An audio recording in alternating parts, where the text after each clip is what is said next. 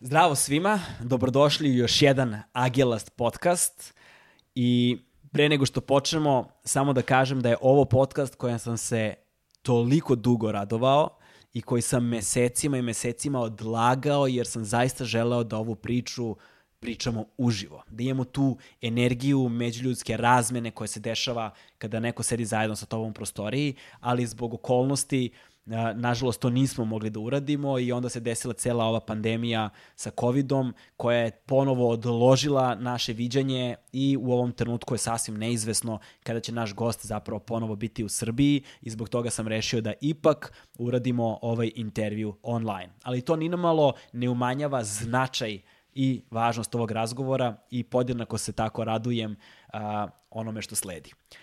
Pre nego što počnemo, samo da pozdravim naše partnere, da pozdravim ljude iz Red Bulla kao i uvek. Hvala vam puno što nas podržavate i naravno da pozdravimo naše partnere iz Volt kućne dostave. Ukoliko niste nikada slušali ovaj podcast, ukoliko vam je prvi put, a za one koji znaju, žao me što se ponavljam, dakle Volt kućna dostava, um, iskoristite kod sa imenom našeg podcasta, ako ukoliko prvi put poručujete naravno i ostvarujete 400 dinara prilikom poručbine. Dakle, ukoliko prvi put poručujete preko Volta, 400 dinara popusta prilikom prve poručbine. Link vam je u opisu videa, tako da možete da poručite i prijatno vama. E, sada da počnemo. Moj gost danas je pre svega prijatelj, a, a potom i uh, jedan od najuspešnijih apneista na svetu. Kad kažem apneista, to u prevodu znači ronilaca na dah. Njegovo ime je Branko Petrović i on je zvanično šestostruki svetski rekorder u držanju daha. On je čovek koji je tehnički najduže u istoriji čovečanstva držao dah pod vodom. Zdravo Branko, kako si? Ćao, dobro večer, dobro sam ti. Evo, nije loše. Ovaj, ti se trenutno nalaziš u Dubaju, je li tako? Da, u Dubaju sam, pa, što bi se reklo, zaglavljen ovde, ni tamo ni vamo. Koliko dugo si tamo? Pa ovde sam već dugo, kako se zove, treniram ovde, mislim, stacioniram sam trenutno u Dubaju, ali, pa da kažemo, preko godinu dana. Uh mhm. -huh. Ali od kada je krenula korona sam ovde, što bi se reklo, zaključan, ne mrzim. A reci mi, zašto baš Dubaj? Video sam još kada smo snimali pre nekoliko godina da si tamo išao često, da tu postoji nekakvo interesovanje za ronjenje na dah. Prvo je dobra logistika, uh mhm. -huh. more, ljudi su orijentisani sportu, ovo im je u kulturi, znači kompletna istorija ronjenja na dah nekako se vezuje za njih, zašto su njihovi preci nekada vadili bisere, na dah naravno, i Zbog toga je cela kraljevska porodica povezana sa ronjenjem na dah, podvodnim ribolovom i kompletnim aktivnostima na moru. Tako da sam ovde našao jednu dobru bazu za treniranje i za svoje neko usavrešavanje, što igrom slučaja je u Srbiji jako teško obezbediti. E sada, ja sam malo pre rekao da si ti šestostruki svetski rekorder u uh, ronjenju na dah, ali naravno stvar je nešto komplikovanija nego što sam je ja ispričao, pa nam ti reci. A u suštini da, lepo si rekao, da. ovaj, imam sve šest zvaničnih svetskih rekorda, koji su priznati, jeli ono, od, od strane olimpijskog komiteta, tu su još neki drugi rekordi koji ne vode se kao svetski, zbog, jeli, ili je bila papirologija, ili nešto administracije nije odrađeno, pošto su procedure jako striktne bi se to odradilo. Mm -hmm. Čak i neki rekordi sa svetskih prvenstava nisu priznati kao svetski, jer procedura je jako, jeli, stroga. Ovaj, u toj nekom nizu svojih rekorda imam i, i Guinnessov rekord, koji sam radio baš ovde u Dubaju na, kada je bio ex, ex, ovaj Expo sportova. A moje najbolje zvanično vreme je 12 minuta i 11 sekundi, koje trenutno vodi kao državni rekord, ali opet ne vodi se kao svetski, jer kao sudija nije bio dovoljno kvalifikovan, što bi se reklo, da Aha. to je opet neka administracija. Je. A, a svetski rekord? Zvanično sad što se vodi kao svetski rekord je 10 E, minuta i 45 sekundi. Koji isto ti držiš? Ja ga držim, da.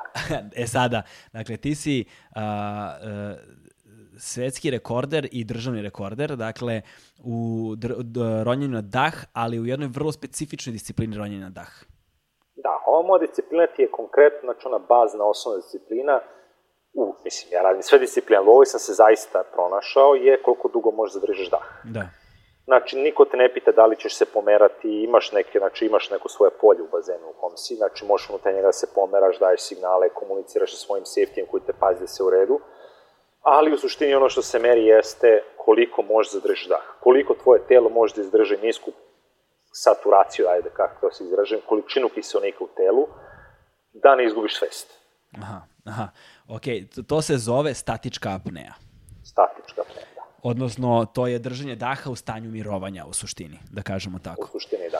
I ko može duže. A, koje sve vrste ronjenja na dah zapravo postoje? Pa delimo, ronjenja dah delimo prvu dve grupe, one koje se dešavaju u bazenu i one koje se dešavaju u moru. A, u, bazu, u bazenu se dele na dinamičku apneu sa perajama, tu merimo koliko možemo da preronimo u dužinu sa jednim udahom. Znači, udah nema vazduh, ja i sad da ronimo u dužinu. Imamo dinamičku apneu bez peraja, merimo istu tu stvar, znači dužinu koju možemo preronimo bez peraja i statička apnea, koliko možemo da zadržimo dah. A u moru merimo dubinu. Aha, okay. Pa sad imamo sa perajama, bez peraja, sa tegom, tek te vuče dole, vraćate balon, te ono čuveno veliko plavetnilo. Aha, da. Što su radili. E, to je, to je no limit u suštini. Vučete teg, samo je point izdržati pricak. Telo ne radi ništa. U suštini kao statička apneja, miruješ, tek te vuče dole, kad hoćeš nazad, povučeš kočnicu, aktiviraš balon i balon te vrati gore. I tu se meri koliki pritisak tvoje telo u suštini može da izdrži da ne dođe do pucnja grudnog koša. Wow, to zvuči baš da. hardcore. Pa skroz. Ovaj, hajde sad da počnemo od, od svih ovih disciplina kojima se ti sve baviš. Pa ja se bavim prvenstveno statičkom apneom, radio sam dinamiku, tu sam držao neke držane rekorde, ovaj, radim se konstantom, to je zaron u dubinu sa perajama. Okay. Koliko možeš zaroniš duboko, u dubinu, znači u moru, sa perajama. Hmm. Perajama ideš dole, perajama se vraćaš gore i trenirao sam no limit jedno vreme trenutno se ga ne treniram, ali pripremao sam se jedno vreme za jedan rekord, ali to je do tehničkih uslova otkazano, jer to je jednostavno logistika je strašno komplikovana i cifre su jako velike da bi se to bezbedilo da bude na sigurnom nivou da ne dođe do incidenta, jer zamisli ideš 150-200 metara u dubinu, ovaj, dole si potpuno sam. Bilo šta da zakaže ili da nisi 100% spreman, nema vađenja, nema, jednostavno nema ko da ti pomogne na toj dubini. E, vidiš, to je ono o čemu želim da razgovaramo i da nam bude, dakle, uh, centralna tema razgovora. Jer prvi put sam se sa ronjenjem na dah upoznao pre nekoliko godina, uh, tako što mi je, ne znam ni gde sam tu informaciju dobio, ali sam dobio informaciju da je uh, psihički najzahtevniji i najteži sport na svetu upravo ronjenje na dah. I da psihološka priprema koju moraju da poseduju apneisti uh, ovaj, prevazilazi skoro bilo koji drugi sport, jer u trenutku kada ti zaranjaš u dubinu, ili bez obzira kada držiš dah pod vodom, ti svoje telo dovodiš do određene granica gde je pravo na grešku, posebno kad se ide uh, u dubinu, praktično ne postoji. Uh, jer može da bude katastrofalna. Hajde da mi dočaraš malo da, da mi dočaraš malo kako to zapravo izgleda ajde, ajde daću se od sebe. Da. Pa pazi, a, ti u svakom sportu svoje telo dovodiš do nekog fizičkog limita, da, ako se baviš sportom profesionalno. Razlika s ronjenjem na dah generalno je što sem tog nekog fizičkog limita ti svom telu uskraćuješ neku osnovnu fiziološku potrebu, disanje. Mm. Znači sad zamisli, zamisli koji je to šok za, za sistem kad ti sve to moraš da uradiš što radi neki drugi sportista, mm -hmm. a pritom ne dišeš. Znači, zamisli ako neko, recimo, treba preroniš 200-300 metara da preroniš, ne da preplivaš, da preroniš na, sa jednim udahom. Ili da zaroniš, recimo, na 100, 120, 130 metara dubine sa jednim udahom. Znači, ne samo da mišići kao mišići moraju da budu pripremljeni maksimalno, već i mentalno moraš biti pripremljen da ti to zaista možeš. Moraš poznavati svoje telo toliko da možeš potpuno smiriti otkup. Zamisli sad smiruješ otkuce srca, u trenutku kad treba daš maksimum svoj. Da. Znaš, potpuno ideš kontra, udaraš kontru svom telu. U svakom sportu, jeli, pred start, adrenalin ide gore. I u ronjenju ista stvar. Ali ti ovde svesno moraš da sabiješ taj adrenalin, da spustiš otkuce srca, da bi trošio manje kiselnika. I onda ulaziš u neki paradoks. E, pokušaš da daš maksima, fizički maksimum sa minimalnom potrošnjom kiselnika. I to je ono upravo što daje ovaj, tu neku posebnu čaru ovom sportu. Jednostavno zato što e, moraš ovladati svojim umom pre nego što dođeš u fazu e, da ovladaš svojim telom.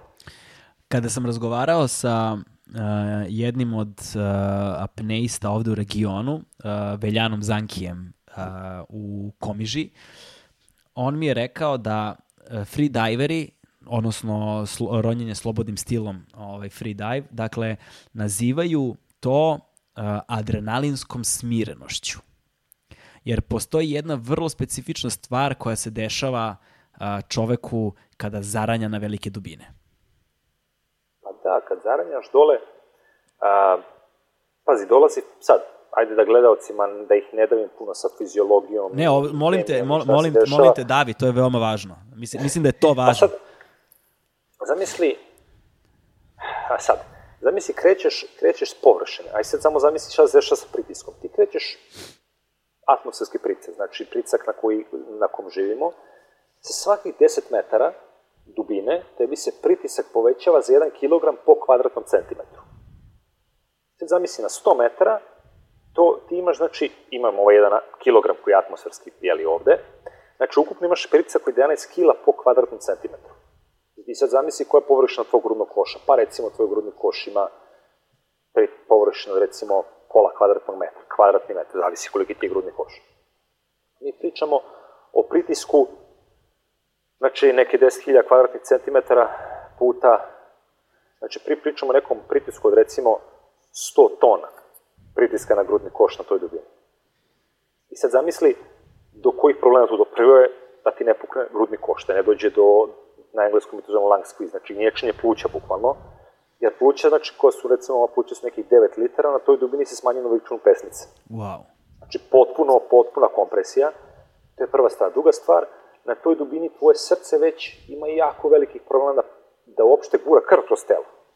I onda krv iz ruku i nogu kreće se koncentriš oko grudnog koša, oko srca, pardon, u grudnom košu i na taj način u stvari sprečava da dolazi do lomljenja grudnog koša. To je recimo sisari, delfini, kitovi, oni su jeli, evolucijski to razvili do maksimuma, oni tako i zaranjaju na dubine koje zaranjuju, tako što se krv koncentriše u grudnom košu i ne dozvoljava upravo to niječenje grudnog koša.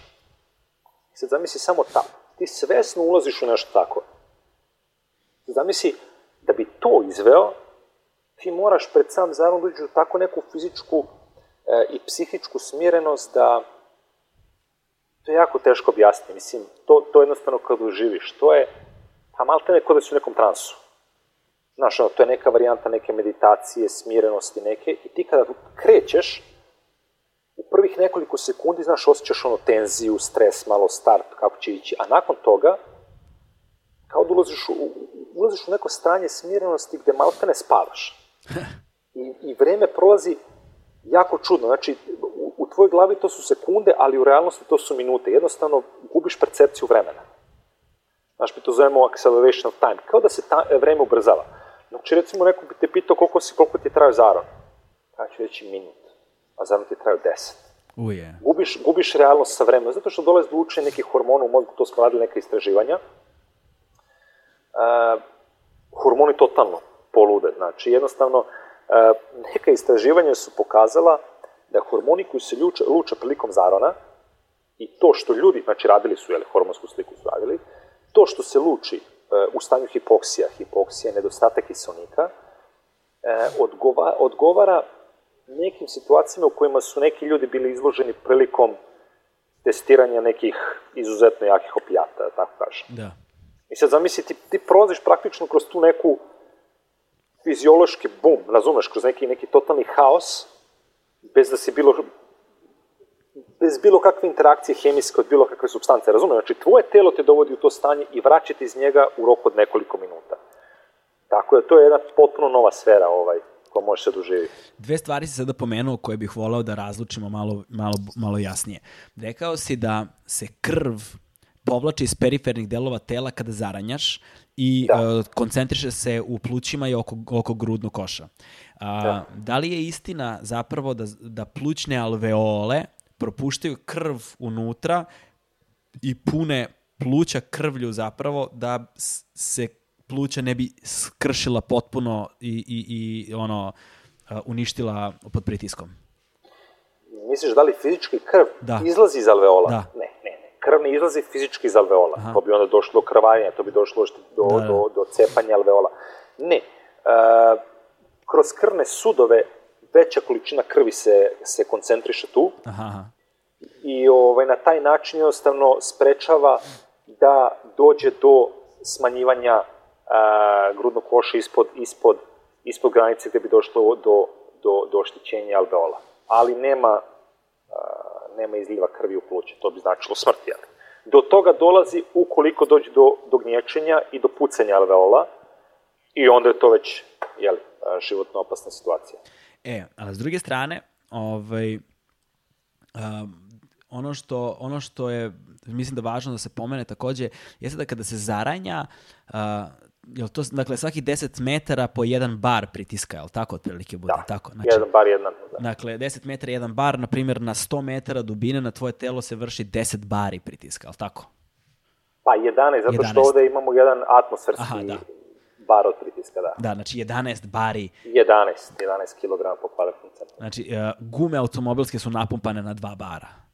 Sad razumeš o kojoj priči, koja je to reč, koje je to pucanje, da. E, ovaj, a, kako se vazduh koji si udahnuo na površini ponaša kako zaranjaš u dubinu? Kako se ponaša? Da, va, udahnuo si... On se kompresuje. Da, On se kompresuje zbog spoljnog pritiska. da. Ali šta se da recimo dešava sa azotom iz vazduha u prilikom zaranjanja? A u samim plućima se ne dešava u suštini ništa što se, sem što se on kompresuje. Aha. Ali taj isti azot u krvi, pod pritiskom on postaje tečan. Znači, on menja svoje fizičko svojstvo. On zbog ovog ogromnog pritiska više nije tečan, a, nije više gasovit u krvlju, više nije gas, već postaje tečnost. I kao takav, on izaziva narkozu. On ima isto dejstvo kao i alkohol na centralni nervni sistem zbog, a, zbog pritiska. I onda, zbog toga, prilikom nekih drugih zarona, dolazi do narkoze ili do pijanstva velikih dubina. Jel- To uglavnom is, iskustveni ronioci s bocama ili vrhunski sportisti u ronjem dahu. Oni doživljavaju upravo te, te narkoze. Azotne narkoze ili kako oni to Azotne zovu, narkoze, da. kako oni to zovu drunk dive. Da, exact, da, upravo to. Ovaj, da li se tebi to nekada dešavalo? Redovno. Ove, meni se da kao... Ove, meni se dešava ne samo kad ronimo ovaj, na dah kao, kao trening, o, već u podnom ribolovu, pošto se bavim podnom ribolovom. Ovaj, to u Srbiji postalo je u zadnje vreme jako popularno, ali još uvek publika, ono, široke mase nisu upoznate s time. Ovaj, to je sport u suštini gde jel, roniš na dah, imaš, imaš svoju opremu, ali pritom imaš pušku ovaj, za podno ribolov koja je neke zovu harpun, u suštini to je malo komplikovanije od toga. I konstantno se zaranja na velike dubine, to nisu te dubine koje se postižu na takmičenjima, ali se ceo dan ronina, znači ti 7-8 sati konstantno zaranjaš na dubine recimo od 20 pa do 60 metara. I, ovaj, I čak onda na plićim zaronima dolazi do tog, e, do tih narkoza. Ovaj, tako da, da, redovno. Kakav je, kakvo je osjećanje zapravo kada, kada azot postane tečan e, i, u, i djeluje na tvoj centralni nervni sistem? Pa, mislim, nije ono ko što ljudi misle, ne vidiš vile i vilenjake i morske sirene, ovaj, više neki osjećaj a, da nemaš percepciju vremena, uopšte, nemaš predstavu koliko si dole. A, mislim, svako doživlja na svoj način, znači ti reći šta ja doživljam. A, ne možeš da odrediš šta je gore, šta je dole, znači nemaš predstavu gde je površina, gde je dno. A, I sve motoričke sposobnosti su ti daleko smanjene. Znači, recimo, na nekim dubinama mi se dešavalo ubeđujem se da neku veliku ribu, ono strelete 45 stepeni u stranu. Znaš, ono, ti gledaš napred i misliš da gledaš napred, a u stvari ruka gleda levo, znaš, ono, pucaš u stranu. Totalno neke lude varijante su dešavale. Uh, dešavaju se neke čudne stvari koje još, pokušali smo u Beču na jednom institutu da ustanovimo šta se dešava u stvari. Uh, počinje se vraćati neka sećanja koja otvaraju se neki, imaš pristup nekim sećanjima koje si mislio da si ih zaboravio, recimo, setit ćeš se nečeg kad si imao 2, 3, 4 godine, ovaj, jeli, ne može niko ti potvrdi sem nekog ko je tad bio s tobom, da li se to zaista desilo, ali iskusio sam to, znači, bukvalno setiš se nečega što si imao dve godine i roditelji ti kažu, ma daj, nema šanse, kao kako, čuo si iz priče. Međutim, dešavalo mi se setim stvari koje mi niko nikad nije rekao. Onda smo radili neka istraživanja na, na univerzitetu u Beču. Ispostavilo se da prilikom a, izuzetno niske saturacije kiselnika u telu, a, mozak preusmerava krv. Znači, mozak, mozak se na neki način sam sebe štiti, jel? Mozak je sam sebi u suštini najbitniji. I preusmerava krvotok potpuno u mozgu i na taj način aktivira neke centre u mozgu koji su maltene neiskorišteni, što je fascinantno. E, znači, držeći dah, uspeo sam da aktiviram neke centre u mozgu, znači, ležem, držem dah, ne radim ništa. Uspeo sam da aktiviram neke centre u mozgu koje su do sad nekoliko ljudi na svetu uspelo da aktivira na taj način i u toj meri. To su bili neki vrhunski šahisti, matematičari dok su rešavali svoje probleme. Tako da, malo nas eto to trenutno zanima da vidimo u kom smeru tu ide, da li to može se primeni u medicini i ako može, na koji način može se primeni. Još jedna zanimljiva stvar koju si mi pominjao uh, jeste da si na, verovatno na tom istom univerzitetu u Beču, pretpostavljam, uh, su radili neka istraživanja na tebi uh, kada da bi se pripremili bolje za operacije na mozgu, je li tako? Da, da. da reci mi o čemu se radi i opiši nam te eksperimente. Bilo je više eksperimenata, bilo je i u, i u Nemačkoj i u, i u Austriji, u suštini, ali oni imaju najveće resurse time da se bave. Pa njih je u suštini zanimalo ako se rade neke operacije na mozgu, koliko zaista nisku situaciju a, mozak može da izdrži i koliko visok pritisak mozak može da izdrži.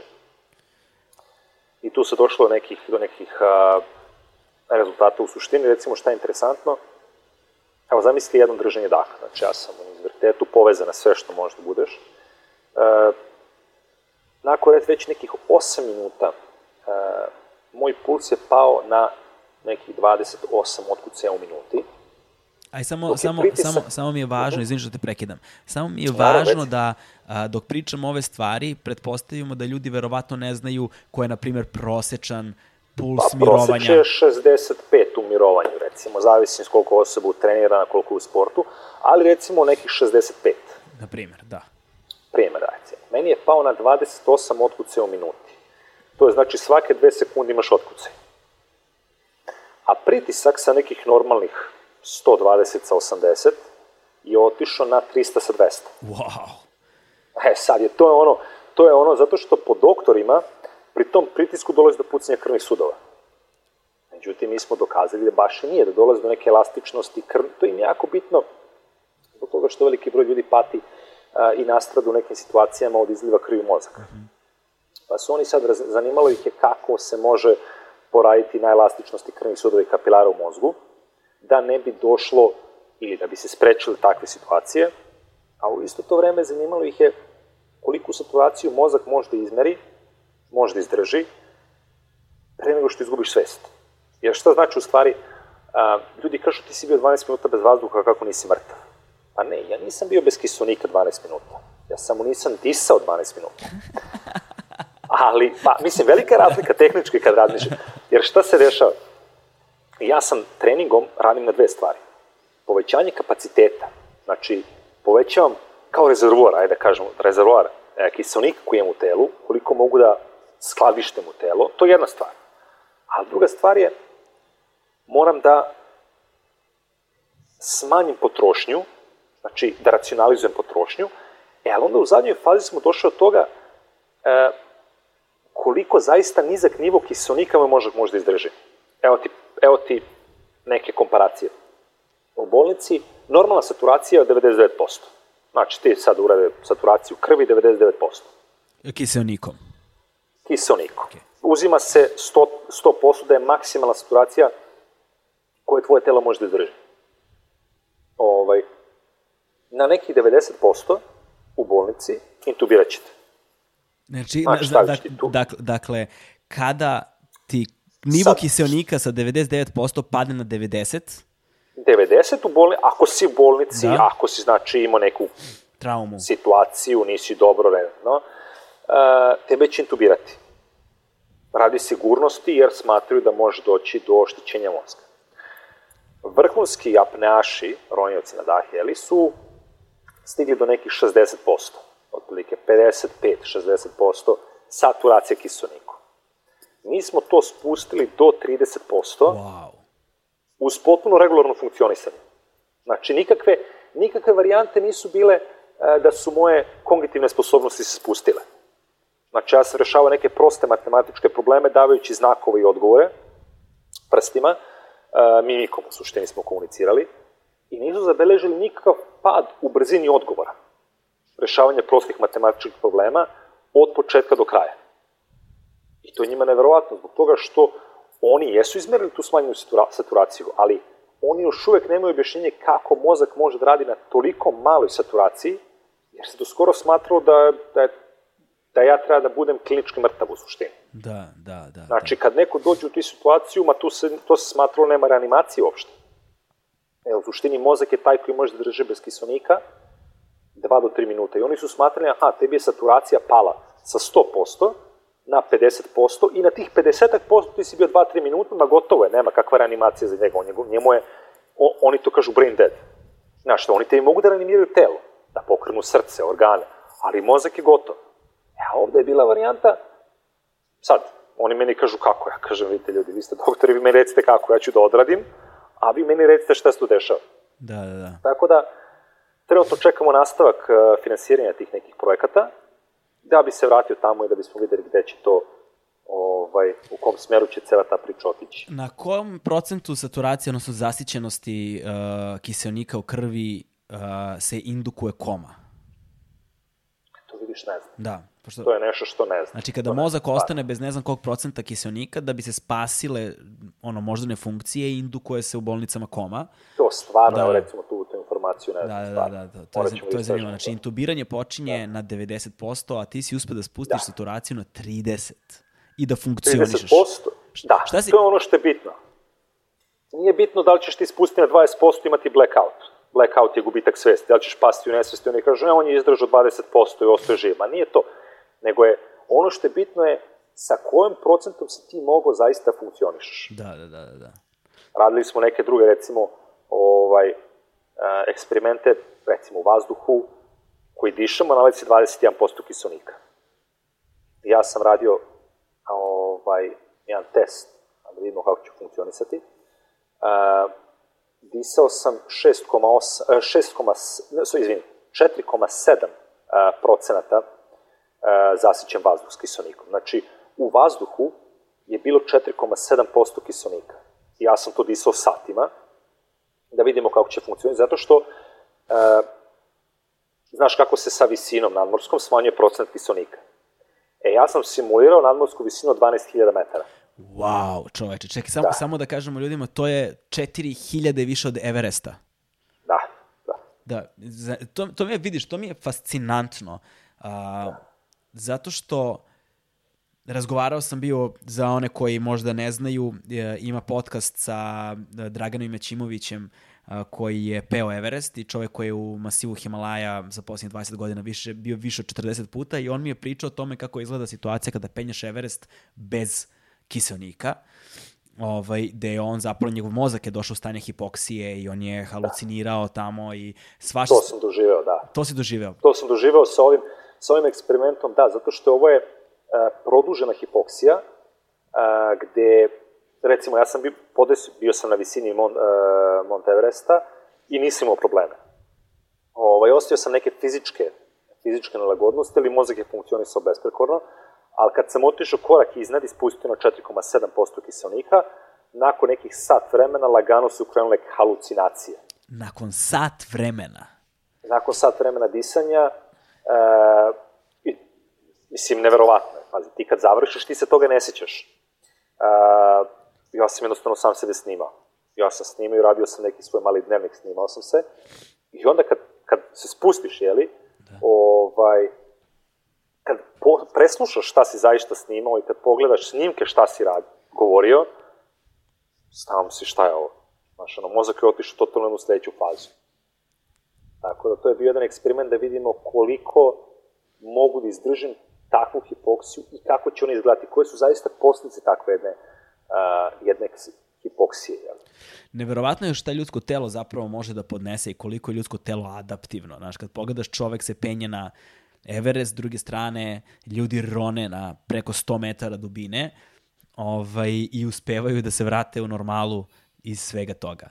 I postoji izgleda određena vrsta sličnosti ili neke zajedničke tačke između uh, apne, vas apneista i uh, ljudi koji penju velike visine. Da, jednostavno treba biti neki mentalni sklop gde si spreman da izložiš svoje telo maksimalnom naporu uh, i svoj um da pre toga pripremiš na, na, na nešto, dakle nema nazad. Da. Znači, jednom trenutku kad si krenuo, ti moraš znati da moraš da se vratiš.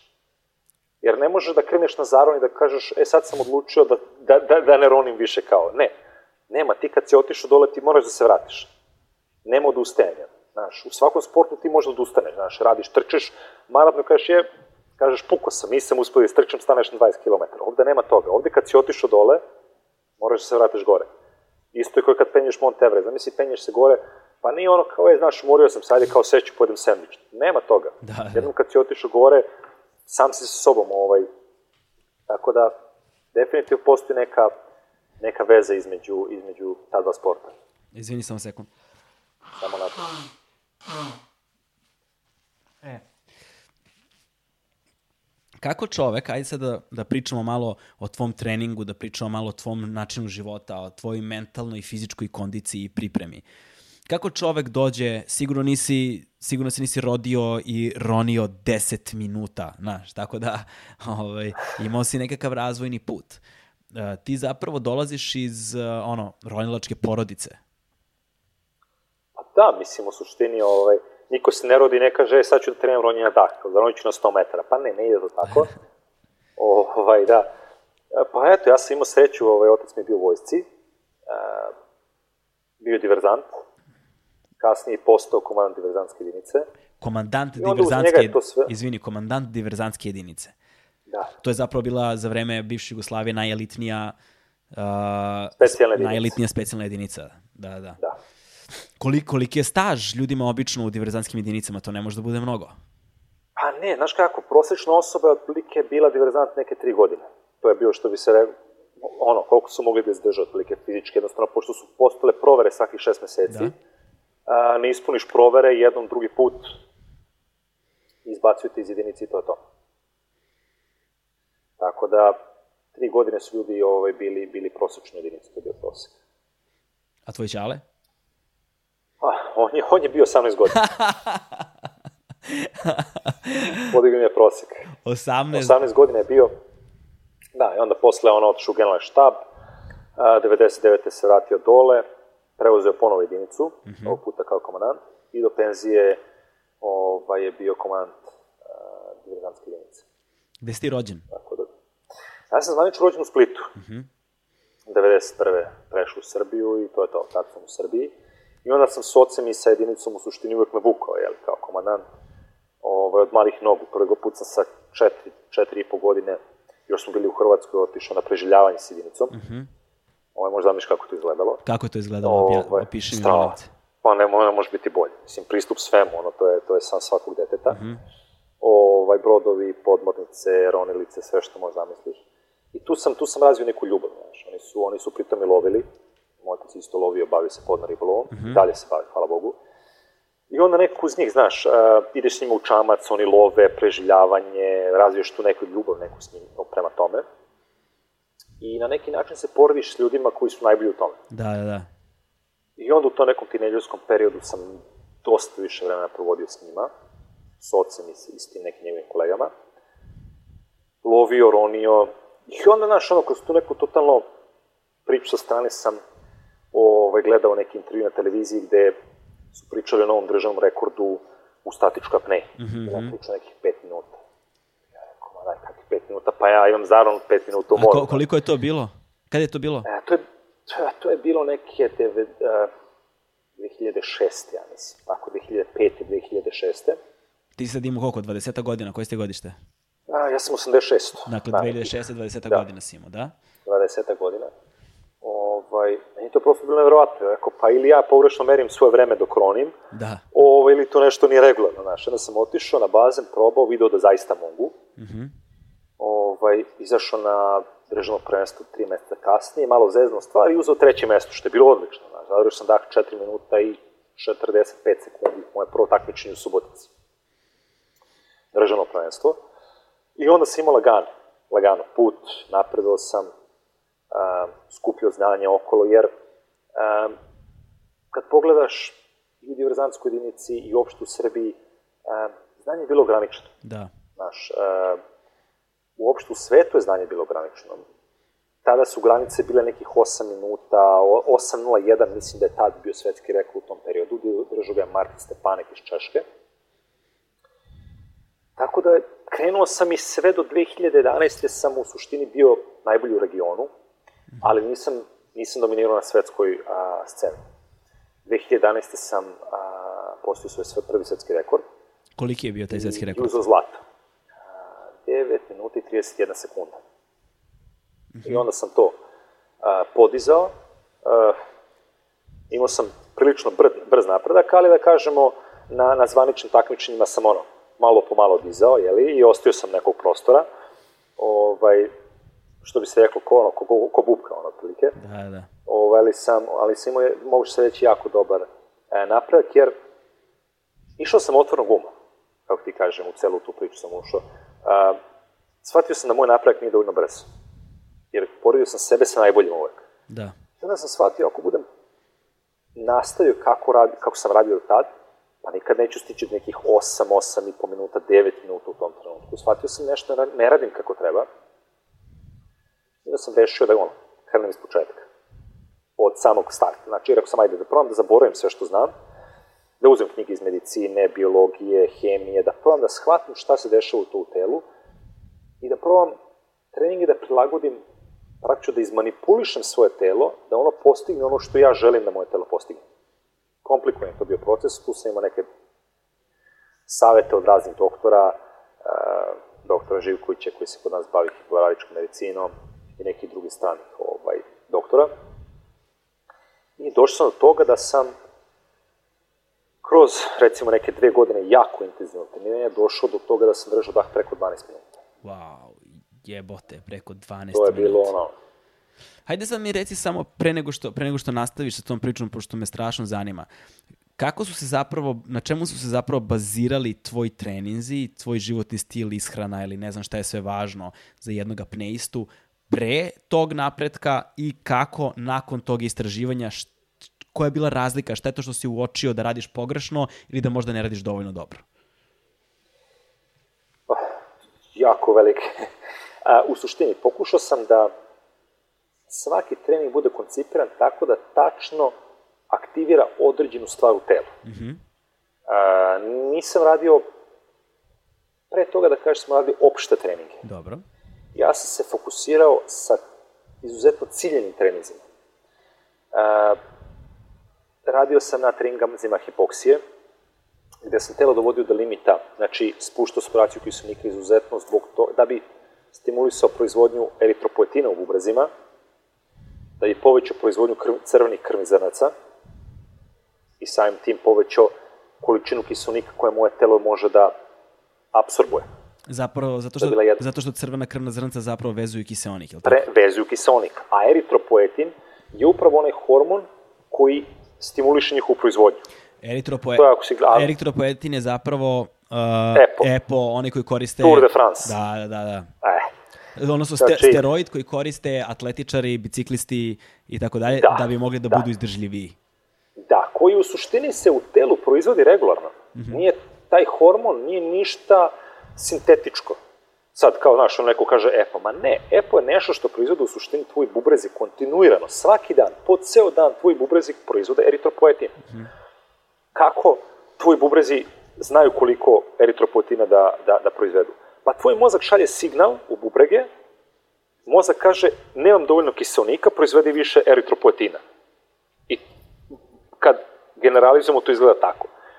Što, sti, što je tvoj mozak više u hipoksiji, tvojih bubrega će proizvoditi više e, eritropoetina.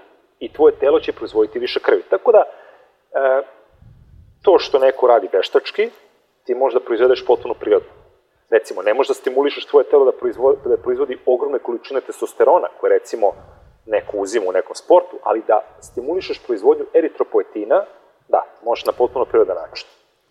Tako da, to je bila jedna od stvari na koju sam se uh, bazirao. Druga stvar je bila je, znaš ono kad neko drži dah pa kaže, e, krećem da se gušim, moram da udahnem, znaš ono, kao kreću mi kontrakcije. To se kažu kontrakcije. Uh, probao si, znaš, da, da. to je ono, e, To je zapravo, to, to je zapravo, izvini što te pregledam, to je zapravo ono što ljudi nazivaju nagon za disanjem. U... Za disanjem, ili kad kažu gušim se. Da. Znaš, ono kažu gušim se, moram da udahnem.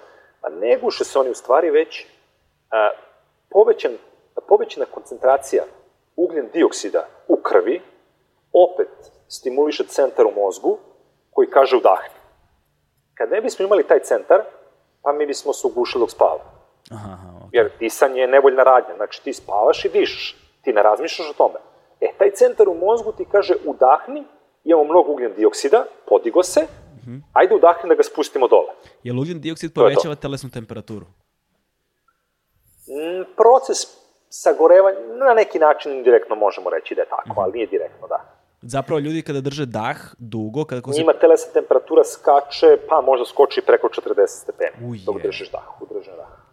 Koliko, to je, koliko, to je od... koliko tebi skoči temperatura kada se nalaziš u stanju hipoksije? Pa najviše što smo merili 41 stepen, što smo meni merili. Wow. I to je, to je zato što telo ulazi u neke anaerobne procese sagorevanja energije i to je ono, tek neka potpuno nova priča za sebe. Koliko kalorija o... troši organizam u tom trenutku? mnogo. mnogo. Mnogo. Ovaj, M što troši kalorije, M što nema hlađenja preko pluća i dolazi do pregrevanja sistema. I to je još jedna od stvari koje, e, koja, koja čini ceo zarun u bazenu teškim, jer nema, e, nije toliko bazen dovoljno hladan da to ohladi Aha. dovoljno brzo. O, tako da to su bile neke stvari na kojima sam se bazirao. Naravno, ishrana je bila jako bitna, suplementacija je bila jako bitna. A, kakva je da ishrana, da bi, kakva suplementacija? U fazama, u, u prvoj nekoj fazi recimo dosta si uh, baziran na, na proteine, uh mhm. -huh ovaj, da bi izgradio neku masu, a onda kasnije kako vreme prolazi sve više i više smanjuješ proteine, pove, držiš se ugljenih hidrata i kreće da smanjuješ mišićnu masu i onda na kraju ideš u neku fazu dijete, što bi se reklo, gde pokušaš da usporiš svoj metabolizam e, tako što uvodiš restrikciju svom telu na kalorije. Jer kad uvodiš, uvedeš svom telu restrikciju, tvoje telo e, optima, e, optimalno troši to što ima. Mm -hmm. U suštini, telesu temperaturu dobijaš od kalorija koje sagoriš. Mm -hmm. Manje kalorija imaš da sagoriš, manje telesna temperatura. Manje kiselnika si potrošio. Dakle, ti, Jer u suštini dakle, ti, sagorevanje... Dakle, ti roniš gladan. od prilike da. Roniš na prazan stomak, eto, to je to. Jer ovaj, kad razmisliš, na hemijskom nivou a, sagorevanje kiselnika, disanje, i hemijski jedna mala vatra. Na hemijskom nivou je vatra, ništa dugo do vatra. Vezivanje kiselnika za nešto, u ovom slučaju za glukozu. Tako da u suštini pokušavamo dijetom, u toj nekoj zadnjoj, zadnjoj, zadnjoj fazi, pokušavamo dijetom e, da dobijemo nekih, recimo, minut još dodatno držanja wow. daha. Znači, samo ishranom ti dobijaš da. minut u držanju daha. Wow, čoveče, to je fascinantno. Fenomen, mislim, to je, pazi, to je recimo u ovom slučaju neki desetak posto, to je jako puno. Da, da, da, to je baš mnogo, to je zaista mnogo, posebno u stanju hipoksije. Reci mi sada, dakle, pričao si, dokle smo stali, pričao si tome da si radio na treningu hipoksije, uh, i na treningu, jel te, povećavanju eritrocita, one, pardon, ne Eritro... eritrocita, nego eritropoetina. Eritropoetina, ali u, indirektno uh, eritrocita, da. Tako je. Ovaj, su crvenih krvnih zrnaca, povećanje... Cr... I tolerancija ugljen dioksida. Tako, e da, i tolerancija ugljen dioksida. Um, odnosno, uh, pluća zapravo vuče diafragma, ako sam upravo. Da, da. I onda onaj, one, ono pulsiranje koje ljudi osete kao da štucaju kada imaju nagon za disanjem vazduha, to je zapravo impuls koji mozak šalje dijafragmi koja pokušava da raširi Udahne. pluća i da udahne, ali tako? Upravo to, tako je. Jel ti vežbaš taj mišić? Pa naravno, taj mišić u suštini radi se na njegovoj fleksibilnosti. To je sastavni deo svakog treninga. To je nešto što spada u onu fizičku pripremu. Radiš jednostavno na njegovoj fleksibilnosti da bi mogao da, a sad malo je teško objasniti ljudima šta je pakovanje u suštini. Jedna od stvari zašto se to radi je pakovanje, to je tehnika e, kojom nakon potpunog udisaja ti bukvalno ustima guraš dodatnu količinu vazduha u pluća. To je nešto preko onog maksimalno što možeš da udahneš. Znači, udahnu si koliko možeš, i onda kao da guta, mislim, laički bi reklo gutaš vazduh. Ti bukvalno guraš vazduh u pluća preko svoje maksimalne zapremljene pluća i to možda ide rekli neki, Kada- a, neki kada sam- 30%. Kada sam gledao uh, takmičarske snimke uh, ronjenja na dah, ono što sam primetio jeste da svaki od ronilaca pred zaron leži na površini pluta leđima na površini i u dišu. Sada, da li je to neka hiperventilacija ili ne znam, sad ćeš da mi objasniš malo tu tehniku, tu tehniku pročišćavanja i onda oni udahnu nakon toga tu maksimalnu količinu vazduha i onda se dešava jedan vrlo zanimljiv trenutak, a to je da a, postave svoja usta kao sisaljku da naprave od usta, kao da stvaraju nekakav vakum i onda unose dodatni vazduh, a da ne izdišu ni, ništa što su prethodno udahnuli. Je li to to pakovanje? To je, pa to je upravo to pakovanje. Znači, u prvoj fazi ti radiš hiperventilaciju, a, ti pokušavaš da smanjiš nivo ugljenog dioksida u telu maksimalno i da a, podigneš nivo kiselnika u svim tkivima maksimalno, jer e, recimo sad tebi nisu tkiva e, maksimalno saturirana e, kiselnikom. Znači u mišićima nema kiselnika koliko može da bude. U, u organima nema kiselnika koliko može da bude. Ti pokušavaš disanjem da izbaciš samo ugljen dioksid iz sistema i da ga zameniš laički rečeno, da, da, da, da pojednostavimo stvari kiselnikom. Aha, Kako se Na to radi? udiš... To se radi u suštini laganim, dugim disanjem, gde pokušavaš da držiš otkuce srca nisko i kontinuirano dišeš gornjim delom, ja preferiram gornjim deo pluća, jer je brže razmena gasova i praktično u stanju si mirovanja, tako da tvoje telo ne proizvodi veliku količinu ugljen dioksida. Ti se ne krećeš, ti se ne pomeraš. I onda praktično sve što radiš jeste kao ispiranje. Ti ispiraš svoju krv sa novim vazduhom, zato što izbacuješ taj ugljen dioksid iz krvi, zamenjuješ ga s kiselnikom. I popunjavaš svoje rezerve, kao rezervoar, jedan, kao da si napunio sebe sa kiselnikom. Nakon toga udahneš punim plućima, koliko god možeš, i onda radiš to što sam rekao, pakuj, znači ti praktično svojim ustima usaš vazduh, zatvoriš usne, a onda koristiš jezik da taj vazduh gurneš u pluća. Znači, neki ljudi misle da to ide u želac, ma kakvi. To ide u pluća da bi ih dodatno raširio. Jer preko određene tačke tvoja dijafra- dijafragma ne može da se proširi. I tvoj grudni koš ne može voljno da se proširi. Ali ti možeš u njega da gurneš na silu vazduh. To je to bi bilo isto kao neko uzeo pumpu i ti pumpa pluća. Wow. Ko, te, ko da pumpaš balon, Jel- eto, jel- otprilike bi bilo tako. Je li taj proces bolan? Pa pazi, ako si utreniran, nije. Potpuno je normalan. Ali ako nisi utreniran, nakon već nekoliko tih pakova, jeli, ovaj, dolazi do bola u međurebarnim mišićima. Nisu naviknuti jednostavno za, na, na, na tu vrstu širenja. Interesantno. Da, ne? fascinantno, fascinantno, Da, mi je, skroz. fascinantno mi je potpuno. E sada, uh, ti pored treninga hipok, hi- hipoksije, odnosno um, ovih, um, ovog eritropoetina, ali tako, i pored um, treninga uh, toleris, tolerancije količine ugljen dioksida u organizmu, imaš i treninge disanja. Pa da, to su više, ja bih više rekao, vežbe disanja, Aha. Da, vežba. nego sam trening disanja. O, I Ajde, sam, samo, U ajme samo, samo mi oslikaj, recimo, a, koliko prosječan čovek, recimo ja, ja sam, recimo, ono, metar 78, imam 70 kila. Ovaj, koliko osoba poput mene, koja onako, znaš, ja sam rekreativni vežbač, da kažemo, ovaj, može da udahne vazduha, litrima? Koliko prosječna osoba u litrima? A to nije tako jednostavno reći, ali rekli recimo negde oko, ja verujem da 4-4,5 litra ovaj, tvoja zapremna pluća. Nekakav prosek po, možda bio. po mom sećenju, kada ono, znači ne idem po varijanti koliko si visok i težak, već po onome što sam video, da, rekao bi 4-4,5 litra, da, 4,5 litra recimo, da, A, ovaj, da a imaš. koliko, kolika je zapremina tvojih pluća bez pakovanja i kolika je zapremina tvojih pluća posle pakovanja? Pa pazi, a, bez pakovanja zavisi od forme. A, između 8 i 9 litara se kreće. Či to je više Pa, nego dobro. duplo od mene. A dobro, da. Ove, a s pakovanjem sam išao do, do nekih 12-13 litara sam. Ovaj. 12-13 litara napakuješ.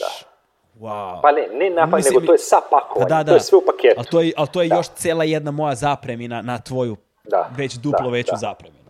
Pa Dakle, da, meni je recimo dešavalo se da po dva i po minuta samo pakujem. Znači ja udahnem pluć punim plućima i nakon toga dva i po minuta punim svoja pluća dodatnim vazduhom da bi omogućio sebi to ekstra vreme. Ali sad, ako ti dodatno puniš vazduh plućima, a ne ispuštaš prethodnih vazduh, da li tvoj organizam troši taj prethodno udahnuti vazduh? Pa normalno troši, ali ja idem na varijantu pokušam da ubacim više vazduha nego što ga trošim. Tako da recimo, ja sam pakovao dva i po minuta, ubacio sam 4 litra, što mi recimo ne znam, dalo 4 minuta, ali sam potrošio već dva i po minuta. Tako da realno sam dobio samo ona dodatna dva, jedan i po minut praktično. Tako da, tako da to tako funkcioniše u suštini. E sada, tvoj trening, uh, dakle, nakon tih vežbi disanja, tih, uh, dakle, uh, te tehnike ugljen, tolerisanja ugljen dioksida, tolerisanja dijafragme, uh, dijete same i ovaj, proizvodnje, jel te, eritropoetina kroz bubrege, šta si, šta si još, na šta si se još fokusirao bio a, kada si napravio taj ono kvantni skok sa vremenom u ronjenju? A dosta je bilo tih nekih mentalnih treninga. To je jako teško objasniti jednostavno. A, znaš, kažeš ljudima možeš ono što veruješ da možeš. A, jako je, najteži, najteži deo a, po meni je ubediti sebe samog da nešto možeš da uradiš. Znači, to je nešto što recimo meni ovaj, donelo mnogo. Kad sam ja počeo sam sebi da verujem da ja zaista nešto mogu da uradim, e onda sam to mogu da uradim. Znam da zvuči malo onako, znaš, kao šta on govori, ali zaista, znači, a, meni su ti neki veliki skokovi, znači, dešavali kad bi ja poverovao sam sebi da ću ja to uraditi i da neću a, doživjeti blackout, da neću pasti u nesvest. To je, neko, to je ne, neka podsvest, ja ne, jako je teško objasniti. Je li to nešto kao Ali- meditacija možda, ne znam? Pa vidi, ja ne bi to nazvao meditacijom zato što neko meditaciju uvezujem za duhovnost, uvek radi, nisam preterano, ovaj, nisam preterano duhovan, ovaj, tako da bi ja to više, više nazvao nekim, nekom mentalnom pripremom, ali, ali da, mislim, može se reći neka, neka, neka vrsta a, meditacije, jednostavno, Da li, da, li, u početku su, reci, da li radiš sa sportskim psiholozima? Pa mi imamo sportske psihologije u Zavodu za sport. Ja sam stipendista Ministarstva omladine. Mi imamo sp- e, psihologe tamo koji rade na tome. E, međutim, u toj fazi kad sam ja sve to radio sam, u suštini nisam imao nikog sportskog psihologa. Ovaj, a i sad, kad uzmeš da pričaš i kad neko treba te po savjetu, oni ti kažu, brate, da li si normalan? Naš prvo pitanje kaže, da li si lud? Kakva, znaš, ono, očekuješ, očekuješ neku mentalnu podršku, nešto, on ti kaže, ma daj, nemoj to da radiš, ne budi lud, znaš, i onda dobiješ bukvalno kontrolnu varijantu, kao, daj, kao mani se toga, znaš, tako da, ovaj, u tom nekom smeru, a, teško je naći podršku, znaš, Da. ali, ovaj, a, kada imaš dobru ekipu ljudi s kojima treniraš, onda je mnogo lakše. Ja sam sreću eto, da, da, da u Savezu a, budemo okružen dobrim ljudima koji su mi ovaj, pomogli. Mm -hmm. ovaj, ja sam član kluba Kalipso iz Beograda i jednostavno tu eto, dobra ekipa ljudi oko mene, ne samo u Kalipsu, već uopšte u celom Sopasu. A, Savez organizacija podvodnih aktivnosti Srbije, a, skraćeno Sopas, Da. naš savez. A, dobra ekipa ljudi, i, i, i svi su posvećeni tom nekom unapređenju sporta, otkrivanju novih granica. i onda, eto, uz njih sam našao neku podršku i, i neku sigurnost da, da su tu da ti pomognu ako se nešto desi. I onog trenutka kad ti znaš da je tu neko uz tebe, ako se onesvestiš u bazenu, ako nešto krene loše, e onda možda se opustiš. Da, da. Znaš, to je meni recimo bio jedan onako bitan, a, bitan aspekt u celoj toj priči. E sada, kako izgleda, ajme sada provedi me kroz jedan, jedan tvoj zaron, taj neki rekorderski, ne, neki važniji, veliki, kako on izgleda korak po korak kroz sve faze, ono, toga, znaš, u stanje, padanje, u, u kom trenutku upadaš u stanje hipoksije, koliko dugo to traje, kako sebe motivišeš, teraš, kako ostaješ ono s glavom pod vodom, šta se dešava u tvom organizmu, šta se dešava u tvojoj psihi, u tvojim emocijama i tako dalje. Provedi me od početka do kraja, jed, k- kako izgleda taj jedan rekordni zaron. Pa ja kažemo od trenutka kad si zaronio. Znači, zaronio si. Nebitno, iskreno, ne razlikuje se puno proces da li je uh, statička apnea, znači držanje daha, ili je zaron dubine. Uh, glavna razlika je u vremenu. Aha. Statika najduže traje i zbog toga je po meni uh, najteže zbog toga što je mentalno, izuz, mentalno izuzetno uh, zahtevna. Jer ti vremenski provodiš uh, u toj fazi uh, najduže vreme. Znači, mentalno se boriš s nečim izuzetno dugo. Znači, prvo kad si zaronio, prvo imaš izuzetan pritisak u plućima. Znači, od onog silnog pakovanja, osjećaš pritisak iz pluća iznutra, osjećaš se kao će ti pluće eksplodirati. Taj pritis i trudiš se, bukvalno se trudiš da ne otvoriš usta. Vazduh pokušava da izađe napolje od tolikog silnog pritiska koji iznutra te gura. Znači, to je e, kao da si prenaduvani balon.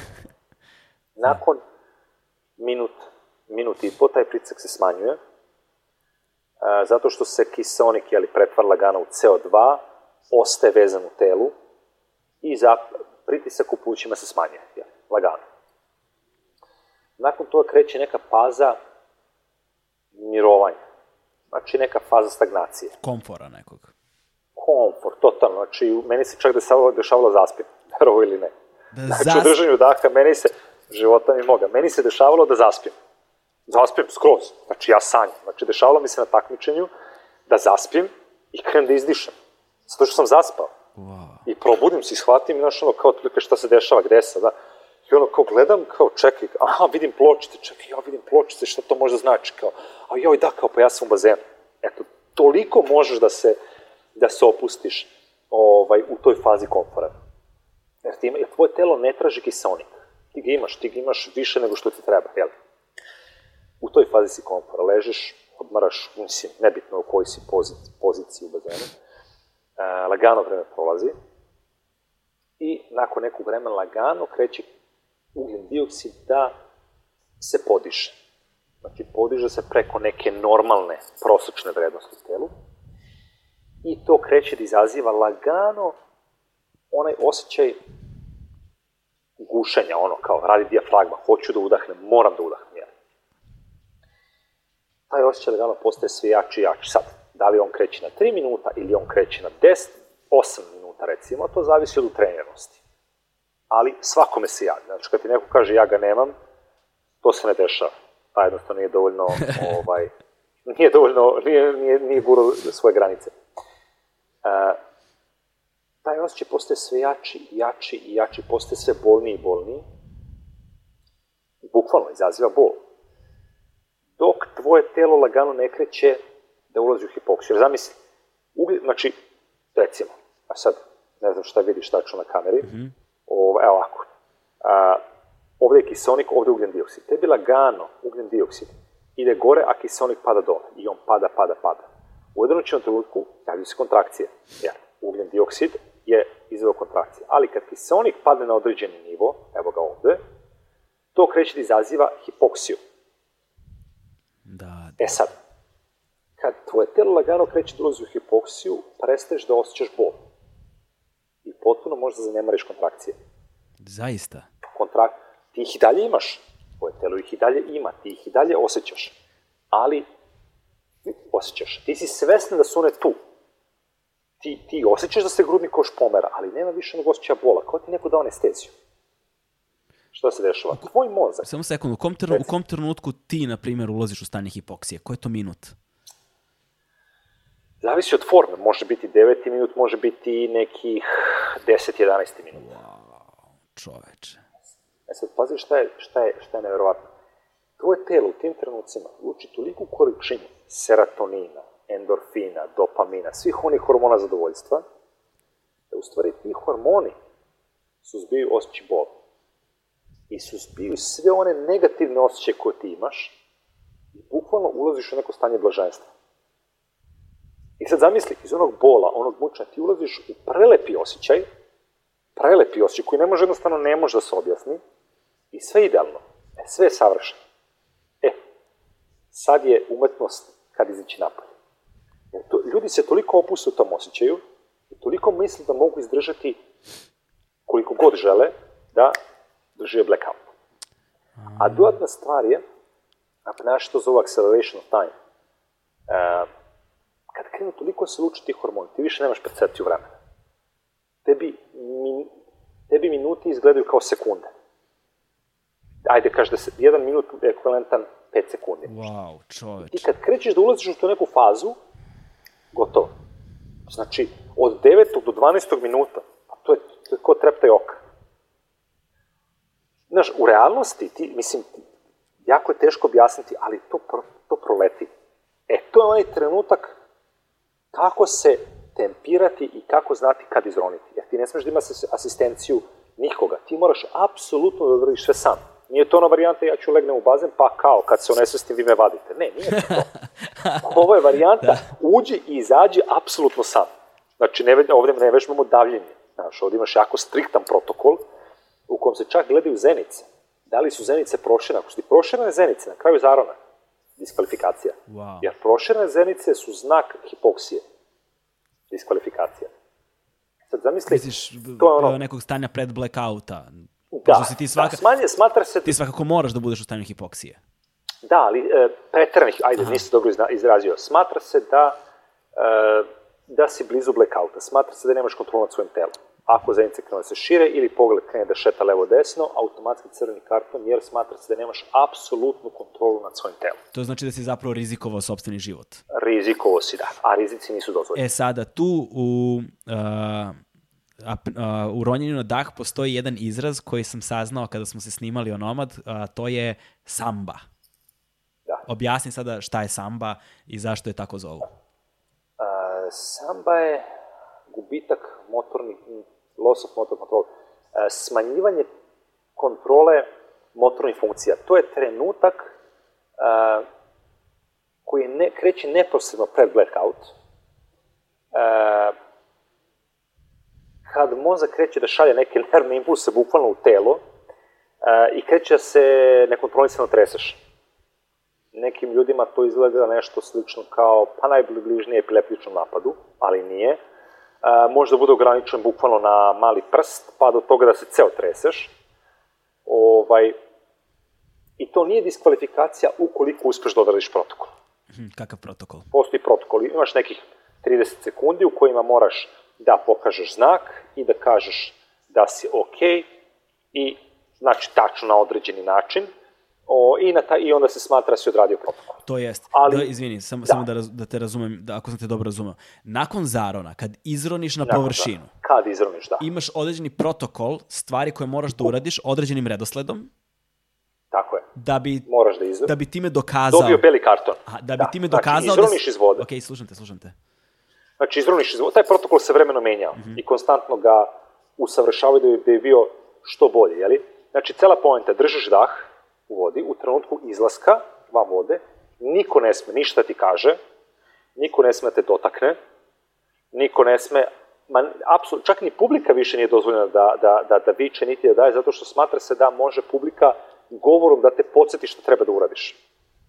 Jer si malo poguljen u tom trenutku, znaš, hoćeš se malo kao da se pripita otprilike. E, ti imaš protokol, znači moraš da pokažeš znak i da kažeš I am ok gledajući sudiju u oči, u roku od 30 sekundi to moraš da odradiš, da bi dokazao da si potpuno svestan. I time dobijaš beli karton i time dobijaš, e, time ti se rekord prihvata. Aha, aha. Odnosno vreme koje god da si ostvario. Vreme, rekao da, da li je dubina, da li je vreme, da li je distanca u bazenu, nebitno. Svaki, svaka disciplina ima isti protokol. I sada, e, sada e, ljudi kada izrone na površinu, u trenutku kada im mozak pred blackout ispaljuje te uh, Impulse. impulse koji teraju telo u kao neko stanje, nazovimo poluepileptičnog napada, na površini zapravo njihova glava se trese tako da e, posmatrača podsjeća kao da plešu sambu, je li tako? U stvari, da. i zato je to... Da, dobilo i naziv samba, da. I ko- koliko je to ciničan naziv, ono. Znači, Skroz, skroz. Ali, ali u suštini rumba samba, da, to je to. ovaj, i... a, ko, da li se tebi dešavala samba, ono, i diskvalifikacija na takmičenju? Diskvalifikacije, da, dešavale su mi se. A, ja nisam osoba koja je sklona samba. Ja pre, ja sam više osoba koja će direktno otići u blackout. Aha. Ti se dešavao blackout Ja- na takmičenjima? Da, dešavalo se. To je, to je sastavni deo takmičenja. Ovaj. Koliko... Ko nije doživio, Šta kažeš? Kako nije doživio ta blackout, nije ozbiljno trenirao. čekaj, čekaj, koliko je to opasno za čoveka da doživljava blackout? Vidi, ako, ako, te od, ako odmah nakon blackouta počne da dišeš, apsolutno nikakva opasnost. Znači, ako neko u životu imao blackout, to sam bio ja. I one koje sam hteo da imam u institutu i one koje nisam hteo da imam na treningu i na takmičenju. E, radio sam CT scan mozga, radio sam magnetnu rezonancu, radio sam sva moguća snimanja koja možda zamisliš da postoje i ne postoje. Sad, hvala Bogu, ništa, nikakvo oštećenje. E, nema onih varijanta crne mrlje na mozgu. E, hvala Bogu, razmišljam i dalje, ok, mislim, ono, malo tu i tamo bagujem, ali sve ok. Tako ne, šalim se. E, nema oštećenja. Oštećenje nastaje od trenutka kad uživiš blackout. Kreće da se meri ono što kažu 2-3 minuta. Od trenutka blackouta. Znači, 30 sekundi, 40 sekundi, 1 minut nakon blackouta, ništa se neće desiti mozgu. Ja znam ljude koji su bili po minut, minut i po blackoutu, sve okej. Čoveč. sve okej. Tako da, ne kažem ja, ajde ljudi imajte blackoute, znaš, ne. A, evo, konkretan primer. A, sigurno kao dete si radi onu varijantu sa klinica adaptacijama, ajde čučnju dahni 10 puta, pa ustani pa ti ja pritisnem arteriju na vrat. Da ti poznato da? Po, znaš poznato mi, ali nisam nikad to radio, E, ne. e, to ti je blackout. Znači, to što, de, što to kad ti ura, ono što su deca, što smo svi radili, to je upravo blackout. Tako, tako izgleda blackout. Da. To je to. Znači, jednostavno, prekid filma. Prekid filma, a, daleko od toga da savjetuje nekom da ga radi, ne, daleko od toga. I da, možda bude opasan, može se po, može se udaviš u bazenu, mislim, ali ne postoje određeni a, protokoli koji se praktikuju na treningu i na takmičenju da bi se rizik sveo na nulu. I zaista, ako poštuješ to, ne možeš da se udaviš. I da želiš, ne možeš. E sada, video sam da uh, u statičkoj apneji uh, koristiš, odnosno ronioci nose o- odela ronilačka. Da. Zašto? Da. U bazenima, u statici. Pa zbog toga prosto što pred sam zaron ti toliko smiruješ svoj metabolizam i pričali smo o onoj dijeti, ono gde, gde krećeš da smanjuješ unos kalorija, da tebi voda postaje hladna. Čak i 28-29 stepeni ti se u toj vodi treseš. Aha. I onda ti odelo tu da te, da te zagreje u suštini. Iako pred kraj nas, e, zarona ti želiš hlađenje, jer bukvalno se kuvaš, ali onih prvih 5, 6, 7, 8, 9 minuta da je hladno. Tako da to je u suštini, u suštini da. Kada roniš na dubinu, na dah, to je sada jedna nešto drugačija životinja koja mora da se savlada. Ovaj, ajme, ajme me malo pro, provedi kroz to šta se dešava sa ljudskim telom prilikom zarona, pored one priče sa početka koju smo govorili o pritisku. Na primjer, sećam se da si mi govorio da postepeno, recimo, na određenoj dubini nestaju boje. Da, prilikom zarona, prvo što ulaziš u apsolutnu tišinu. Znači, ne samo pricak ne deluje prvo na tvoja pluća, deluje na tvoje uši. Znači, prvo što će ostiti jeste pricak ušima. I iako izjednačavaš, jeli, stiskanim i duvanjem vazduha u, uši, da izjednaču pricak u bubnim oprama, da ne bi pukle bukvalno, a, i dalje ulaziš u neku čudnu tišinu. Znači, prvo što nestaje jeste zvuk. Da mi ti krećeš zaron, zvuka više nema. Nakon toga lagano kreću nestaju boje. Znači, na 3 metra već crna boja ne postoji. Na 3 metra crna boja postaje zelena. I onda lagano što ideš dublje i dublje boje nestaju. Razumeš? I ono, Jedna po jedna boja iz spektra nestaju. Otprilike, da. Jedna po jedna boja iz spektra nestaju i bukvalno ulaziš u neki crno-beli svet. Kada? Na kojoj dubini si otprilike u crno-belom svetu? A zavisi, zavisi od mora. Aha. U nekim morima već na 30 metara je, sve su neke ljubičasto sive nijanse.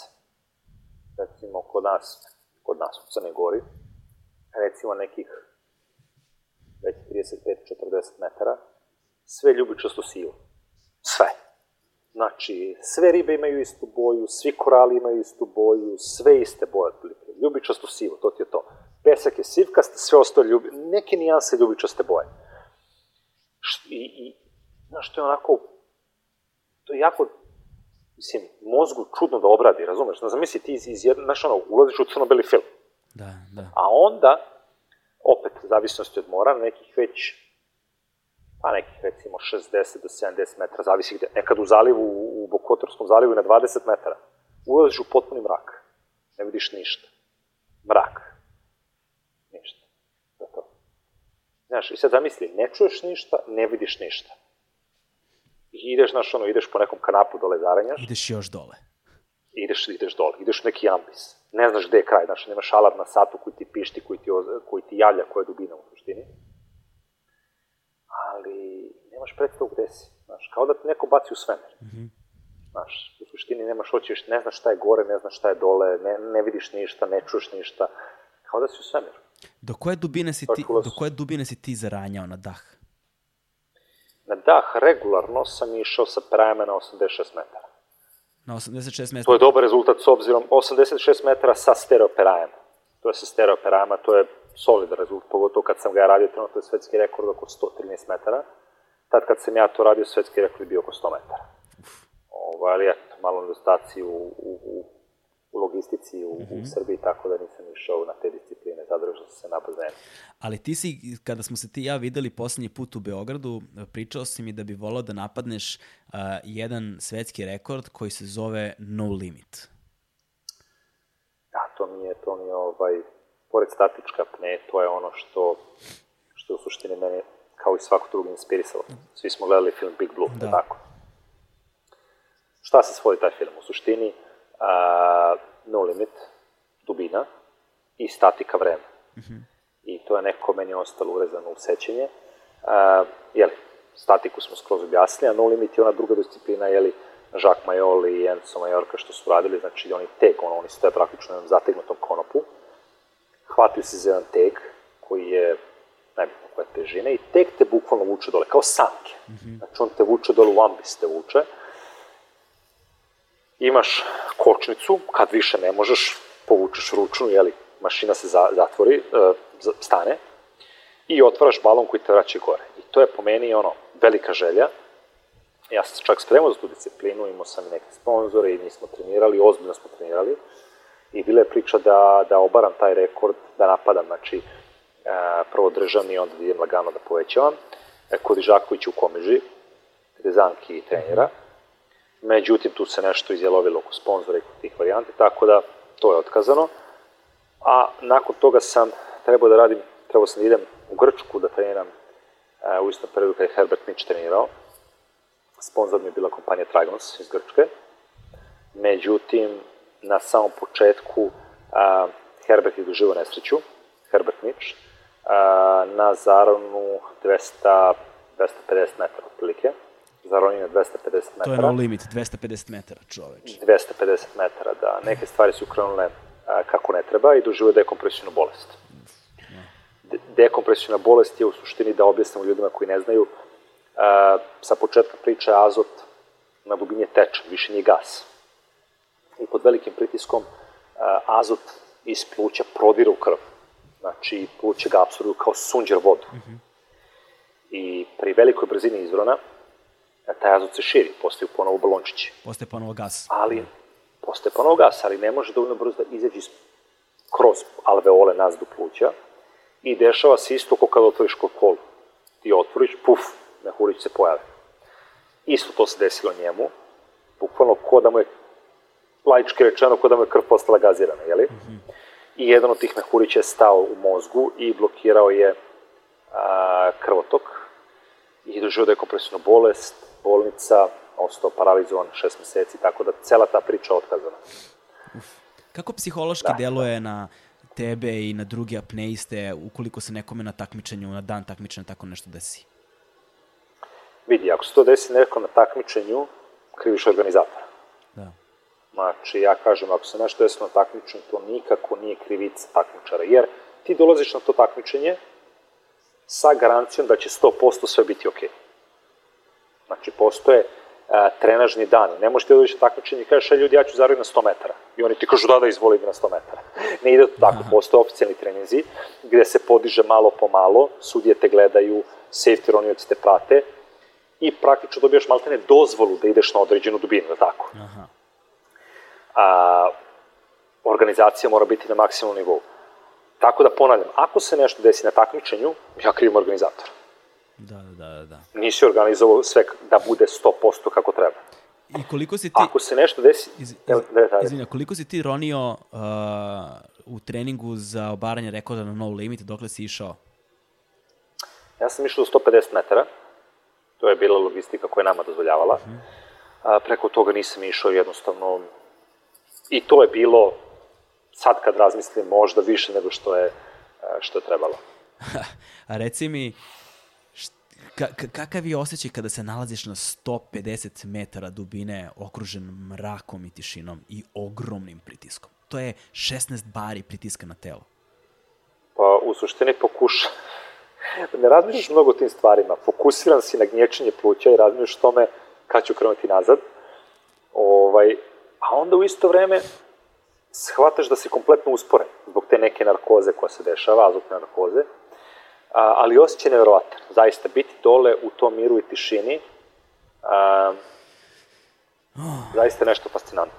Osjećaj, osjećaj prelep. Da, ali... Ako zanemarimo bol, ako zanemarimo bol i onaj osjećaj kalkulacije kad treba da kreneš nazad, kad ćeš krenuti, da, zaista osjećaj nevjerovatan. Ta brzina, a, osjećaj kojom kliziš kroz, a, kroz vodu je nevjerovatan, zato što što si dublje, krećeš se brže, odelo se, odelo se gnječi, ali odelo ima balončiće vazduha u sebi, to je izolator, e, i što dublje roniš, odelo je sve tanje i tanje, zbog pritiska, i pluće su sve manje i manja, tako da praktično postaješ negativno plovan.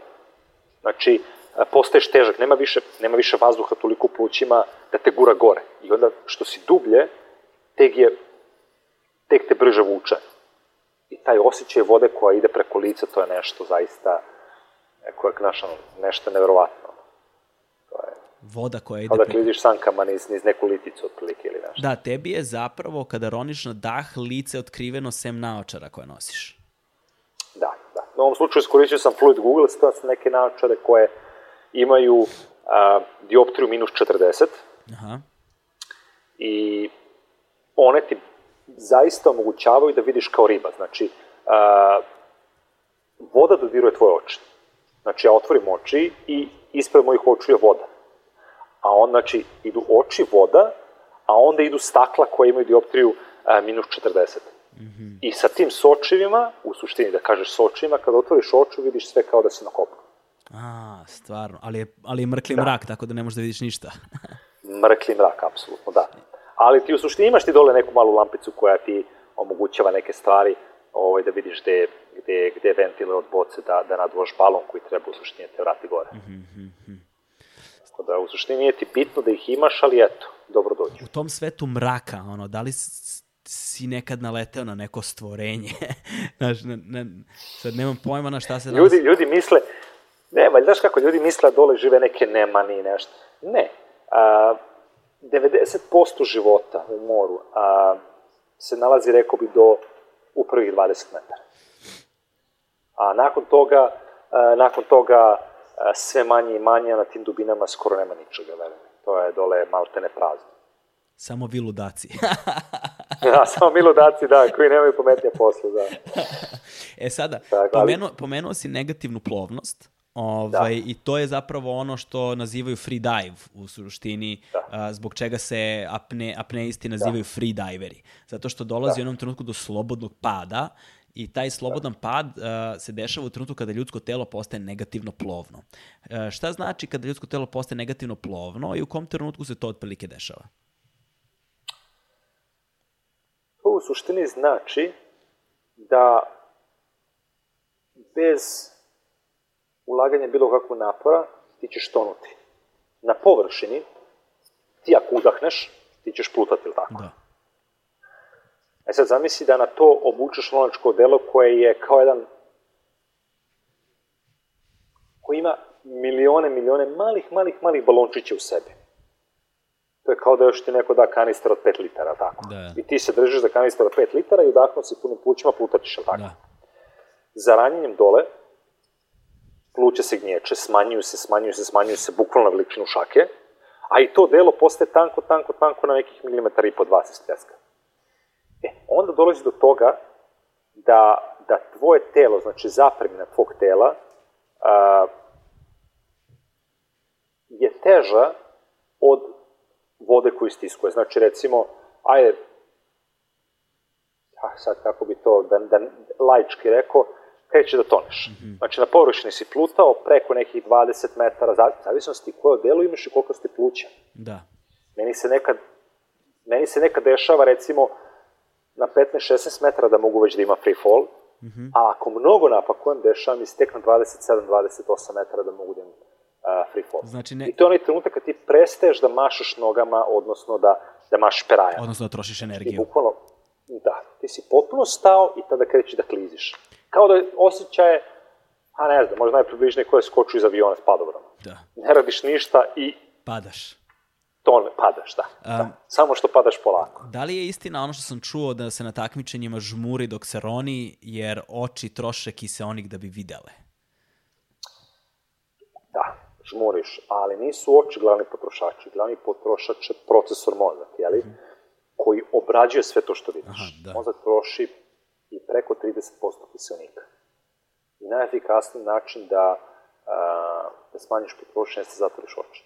Jer čak, čak i u mrklom mraku tvoj mozak pokušava da procesuira to što ne vidi. Da. Naši oči se naprežu i mozak radi, radi, radi. Tako da zatvaranjem očiju ti smanjuješ suštini potrošnju. Racionalizuješ potrošnju kiselnika.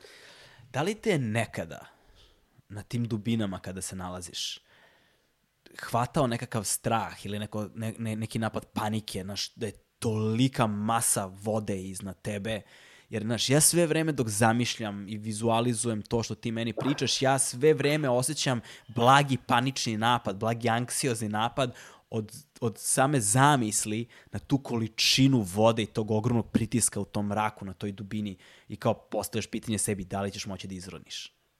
A znaš kako, ako, ako, ako imaš takve misli, nećeš krenuti se baviš ovim. makar, ne, makar ne profesionalno, odnosno da kažem takmičarski. Ne. Ovaj, ali, ali ne, ne, ne. Takve, takve misli, takve ideje zaista nikad ne se. Nije sad kao nešto se hvali, da. ne znam ja, nego ne, zaista. Ovaj, a, iskreno, moj jedini, a, moj jedini strah kad, kad se radi o, o, o ronjenju i o podnom ribolovu su zaista mreže, kojih, nažalost, more je puno. A, to mi je jedini strah. Dešavalo mi se da se upetljam u mreže, mm -hmm. verovo ili ne. U, da se upetljaš u mreže I... dok kroniš na dah? Da. Na kojoj dubini? Da, u, više u podnom ribolovu, pa mislim u podnom ribolovu, ne, ne u ronju na dah. Ma nisu bile velike dubine, bile su dubine do 30 metara. nisu bile velike dubine. Ali to je, za, to je zaista nešto, ovaj, e, zaista nešto opasno. Mm -hmm. Ako je nešto opasno, to je opasno to i ovi manijaci na gliserima i čamcima što prolaze. Oni su priča za sebe, da, oni su, oni su priča za sebe, to, to, je, to je druga, druga realnost. Da. Neverovatno mi je to jednom, kada sam baš sa, sa, sa Zankijem smo pokušavali da ronimo, prolazio je neko uh, nekim gliserom ili nešto, čudno je što ti zapravo ne možeš da lociraš odakle zvuk dolazi. Da, zato što zvuk se kreće kroz vodu preko 1000 metara u sekundi. Ne. A tvoj, ti u stvari određuješ odakle stiže zvuk na kopnu, tako što tvoj mozak računa razliku u vremenu između zvuka koji je stigo u jedno uvo i u drugo. Aha. Znači, postoji minimalna razlika u vremenu da. i tvoj mozak to obradi i proceni iz kog smera dolazi zvuk. U moru je brzina preko tri puta veća, tvoj mozak jednostavno ne može da, da odredi iz kog smera stiže zvuk. Ti samo čuješ zvuk i ne znaš odakle dolazi. Nemaš predstav odakle dolaziš, Je li, vi- do- odakle dolazi. ali ronioci imaju neka obeležja koje bi trebalo da budu ljudima koji voze čamce, glisere ili ljudi koji gledaju sa kopna? Imamo, pa da, pazi, mi imamo obeleža, to su bove ronlačke, međutim, nažalost, u današnje vreme većina ljudi ne zna te propise i kako su dobili, neki nisu, ne znam kako su dobili dozvola, neki ih jednostavno nemaju. Meni se dešavalo, ja ronim sa bovom i meni dođe jahta da vidi šta je to tu. Oh. Jahta od 20 metara, ja na moru, razumeš, ono, otvoreno more, razumeš, dubina. Ja kažem šta pa kaže, mi smo videli nešto pa došli da vidimo šta je. Tako da bilo je zaista, ovaj, jednom prilikom su došli da, ne, od, da mi odvuku čamac, jer su mislili, ono, videli su čamac ovaj, usideli na sebe oko Kotorskog zaliva, nikog nije bilo u čamcu, ja sam ronio pored, na 20 metara pored, i oni su mislili čamac izgubio, kao mi smo, kao, mi smo mislili da se čamac izgubio pa smo došli da ga uzmemo. Da, da. Tako da bilo je raznih situacija tu. Tako da ovaj, bova i ta obeleža baš ne funkcionišu uvek. E sada, um, zanima me, uh, uh, pominja, pominjali smo jednom prilikom, da li je to bio neki bračni par koji je ronio No Limit ili nešto gde se desio neki tragični slučaj, neko od njih je, uh, neko od njih je poginuo. A, jeste, jeste, Pipinova žena. Šta, uh, ispričaj mi tu priču, šta je to bilo? Pa zvanična priča je da je ona je ova pokušala, Audrey je probala da... Ko su njih dvoje zapravo? Prvo, prvo daj kontekst. Aha, kontekst je u suštini Pipin Ferreras je a, držao svetski rekord na limitu. Koji je rekord? U to vreme a, rekordi su bili od 120-130 metara pa nadalje do preko 160 metara. E, on, znači Pipin Ferreras, a, kubanac, lociran u Americi, i Umberto Pellizzari, italijan, e, su bila dva najbolja pnaša do 80-ih, 90-ih godina i oni su se konstantno takmičili međusobno. A, u određenom trenutku dostigli su svoj limit. Sad zašto i kako od, Odri je trenirala on je na dah. Pipin je bio njen menadžer i njen trener. A, I savjeto, i došli na priču da ona obara njegov svetski rekord u limitu. Ona je zaronila na, ako se dobro sećam, u tom trenutku 168 metara. Međutim, kad je trebala da se vrati, jeli, rekli smo, vučete tek dole, otvoriš neki, otvoriš ventil i boca sa komprimiranim vazduhom, puni jedan, može se reći, balon koji treba da ti izvuče na površinu jako brzo. Ona kad je stigla dole, ta boca je bila prazna. I ona je morala da se vrati sa 168 metara a, svojom snagom. Jel? I izronju je trajao, znači kompletna zaron izron je trajao preko 9 minuta, tako da do trenutka kad je ona izronila na površinu, a, više nije bilo smisla, mislim, bilo je gotovo. Tako da ona je preminula, nažalost, u pokuša baranja a, tog rekorda. Ali ona nije. Znaš šta, ja, ta disciplina No Limit je jedina disciplina kontro, koja je zaista kontroverzna. Jer ljudi, bilo je slučajeva da ljudi u samom pokušaju rekorda nastradaju, ali dešavalo se i da ljudi koji se bave tom disciplinom nakon toga nastradaju. U totalno nekim besmislenim situacijama. Na šta misliš?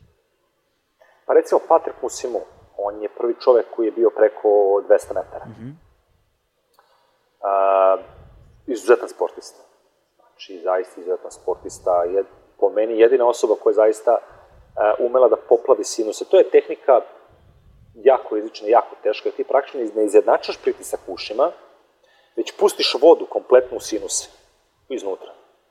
I možda postigneš koju god želiš brzinu i nema izjednačavanja. Au, kako puštaš vodu Da, u je sinuse? jedini- Mislim, To je nešto komplikovano što verujem i mnogi su probali, ali jedini on koji je zaista praktikovao.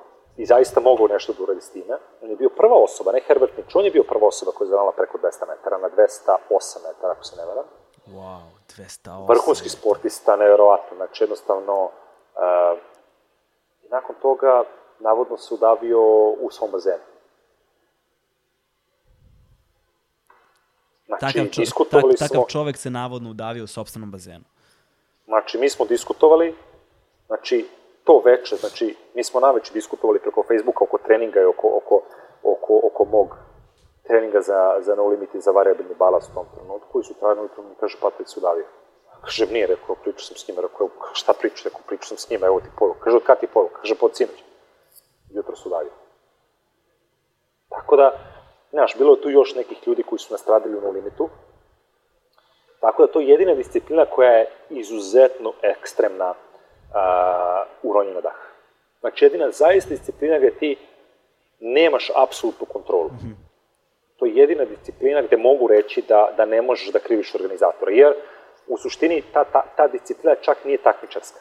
Ona je samo demonstrativna. Mm -hmm. Olimpijski komitet je ne priznaje. A, tako da, praktično, to je samo pokazivanje. Ja mogu. Ništa drugo. Is, Tako da, is, jer, ispitivanje granice ljudskih mogućnosti. Da, zato što se smatra previše opasno.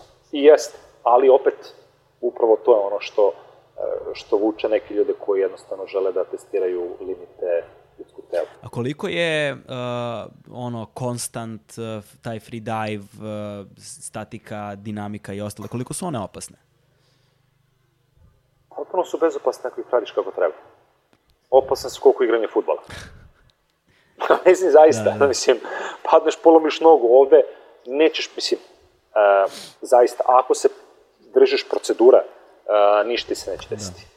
Znači, u ovom sportu neće polomiti ruku, neće polomiti nogu, ako pratiš propozicije, nećeš se udaviti, najgora stvar ko možeš da živiš jeste uh, pucanje bubna opne, zarasta za nekoliko nedelja, odnosno lung squeeze, gnječenje pluća, opet za, neko nedelja, za nekoliko nedelja si okej. Okay. I to je to. A šta ako se desi blackout na određenoj dubini?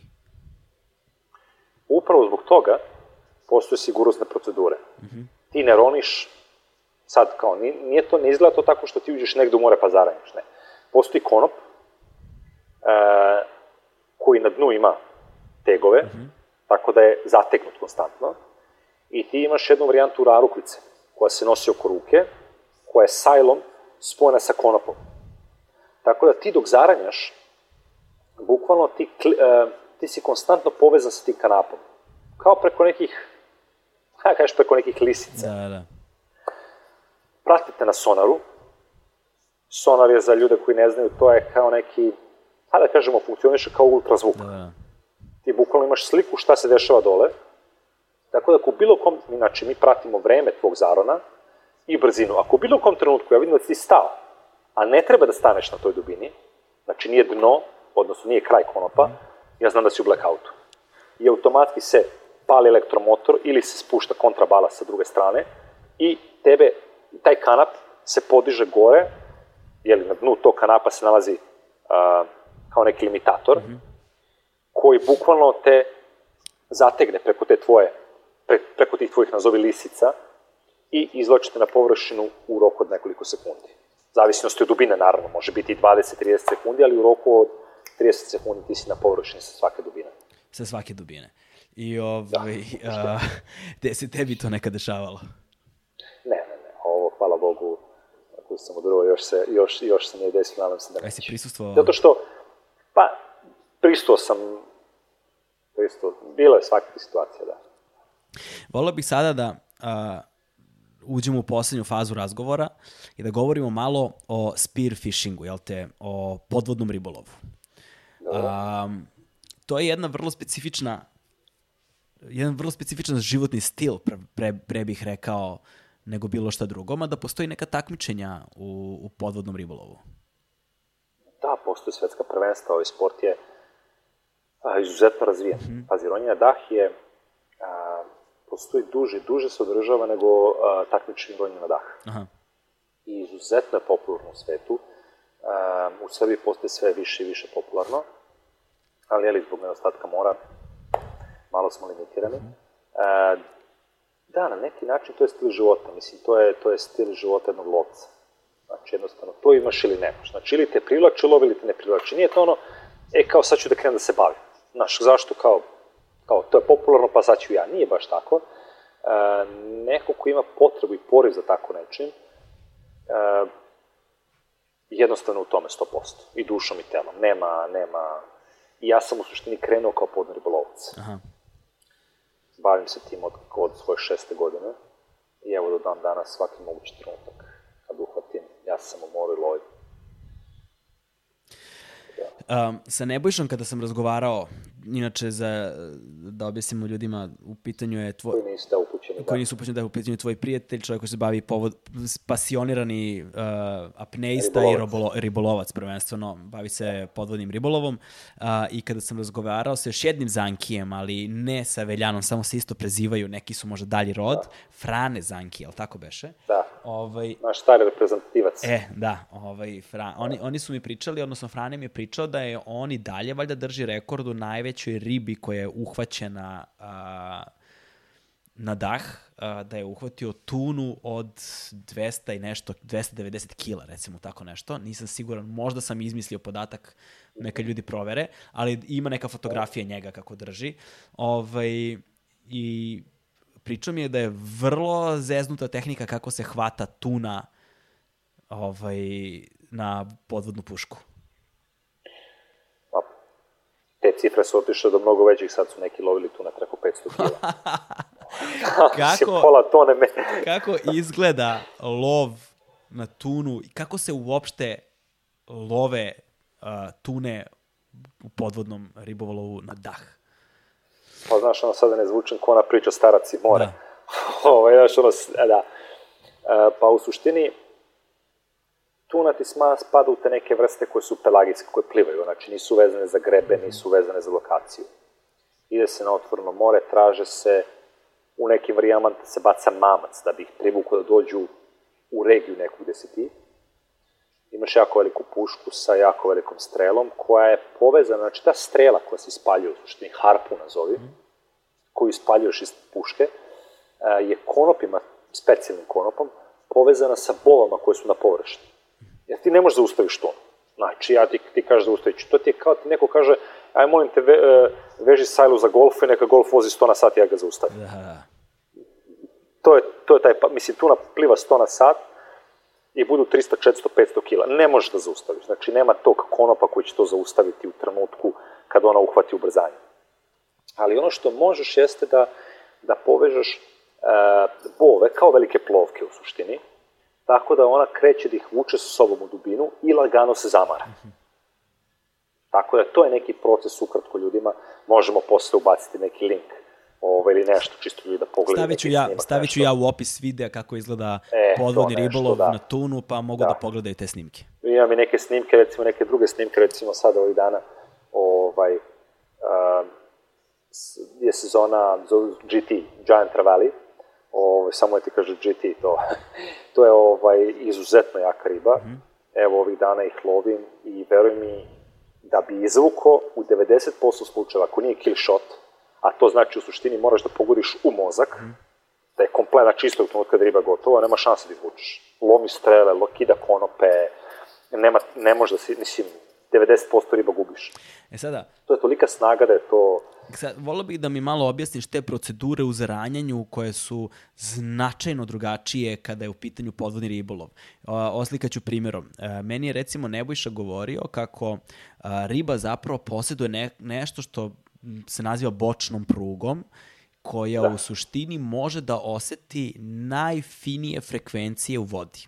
I svako podvodno biće a, ima određenu frekvenciju i riba tačno zna kad se nešto kreće kroz vodu, šta se kreće i osjeća tom bočnom prugom.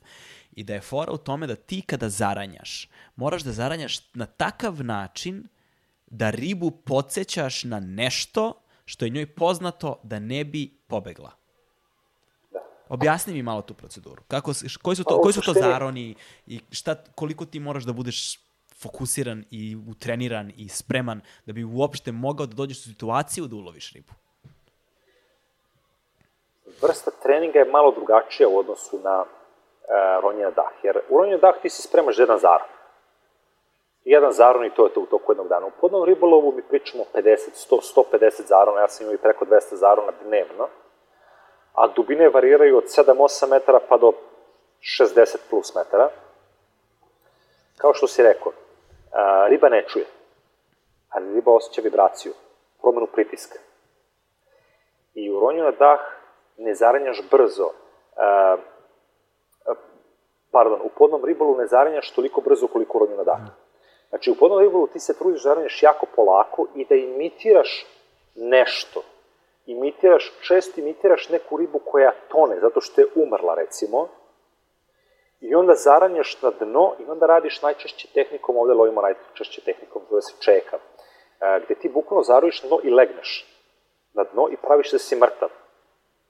Izazivaš radoznalost kod riba. Kod većine riba izazivaš radoznalost. Zato što riba nije sigurna šta si, da li si ti hrana ili si neki predator. Ne mrdaš se, osjeća neku malu vibraciju. I onda riba dolazi da te proveri. Mali broj riba dolazi zato što je toliko teritorijalna riba. Znači, evo ja sad nalazim u Dubaju, pa lovim ovde, i ovde imaš druge vrste koje privlačiš na, na, na, na način da kod njih izazivaš agresiju.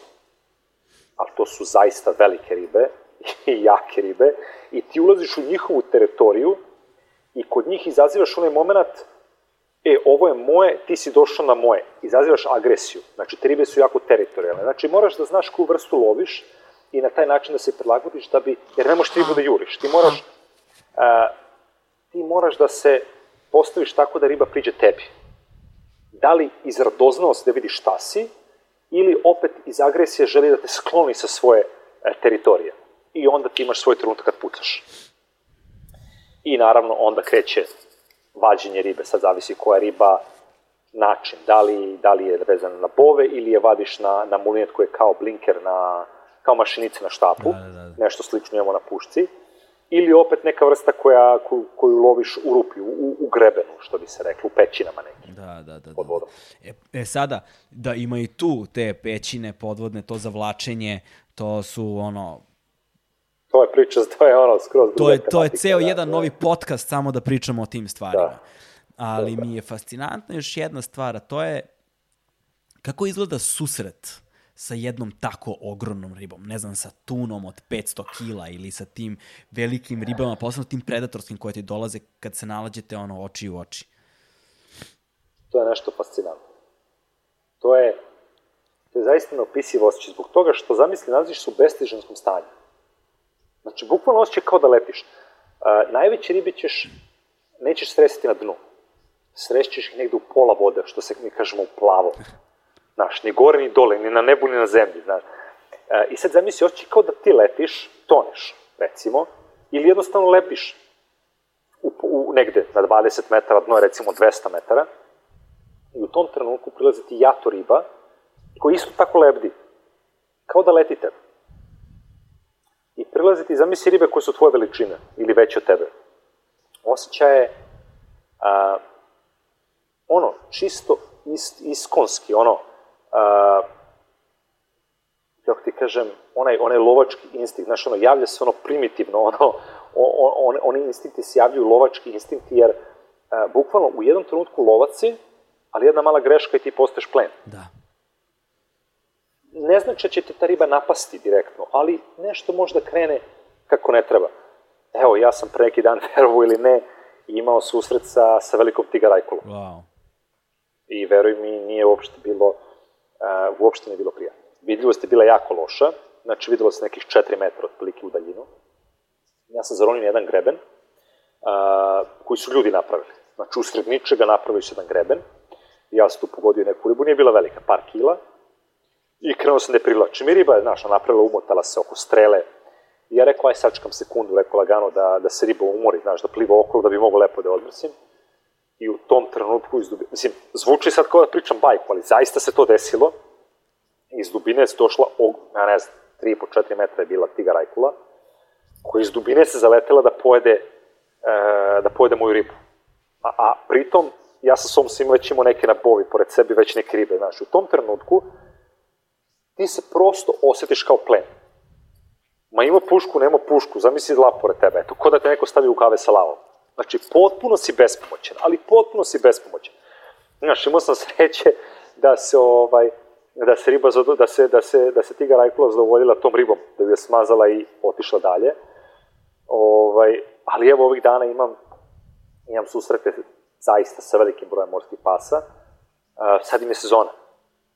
I zamisli, znači, ja recimo lovim na naftnim platformama ovih dana gde su ribe zaista ogromne. Znači, kao da je, zamisli park iz doba Jurija da te neko bacio među dinosauruse. Eto tako izgleda.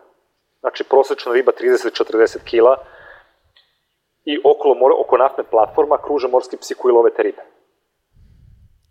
I ako pogodiš ribu koja, koja i ode van naftne platforme, odmah dolaze morski psi koji, koji pokušavaju da pojedu. I sad, u tom trenutku, znaš, ti loviš tu ribu, ali u istom tom trenutku pokušava da se skloniš da tebe nešto ne pojede. I onda tu se javlja te neki osjećaj adrenalina koji je toliko moćan, da jednom kad to iskustiš, ono, ostali sportovi su, ono, znaš, ma kao, kad, da. Trenirao sam svašta, probao sam svašta, ali ovo je sledeći nivo. Koja je najveća riba koju si uhvatio? Joj, zaista imao sam ogromne kirnje u Omanu, koje nismo merali. Mogu ti po, ono, poslati ti slike neke da vidiš, ali nismo imali vage da, mm. da ih vagamo i ovih dana lovim neke zaista velike komade. Nisu toliko velike ovih dana, komadi do 100 kila su. o, a mislim, ok, ja kapiram kako sad to tebi zvuči, ali da, yeah. ovaj, zaista ogromne komade ovih dana vadimo.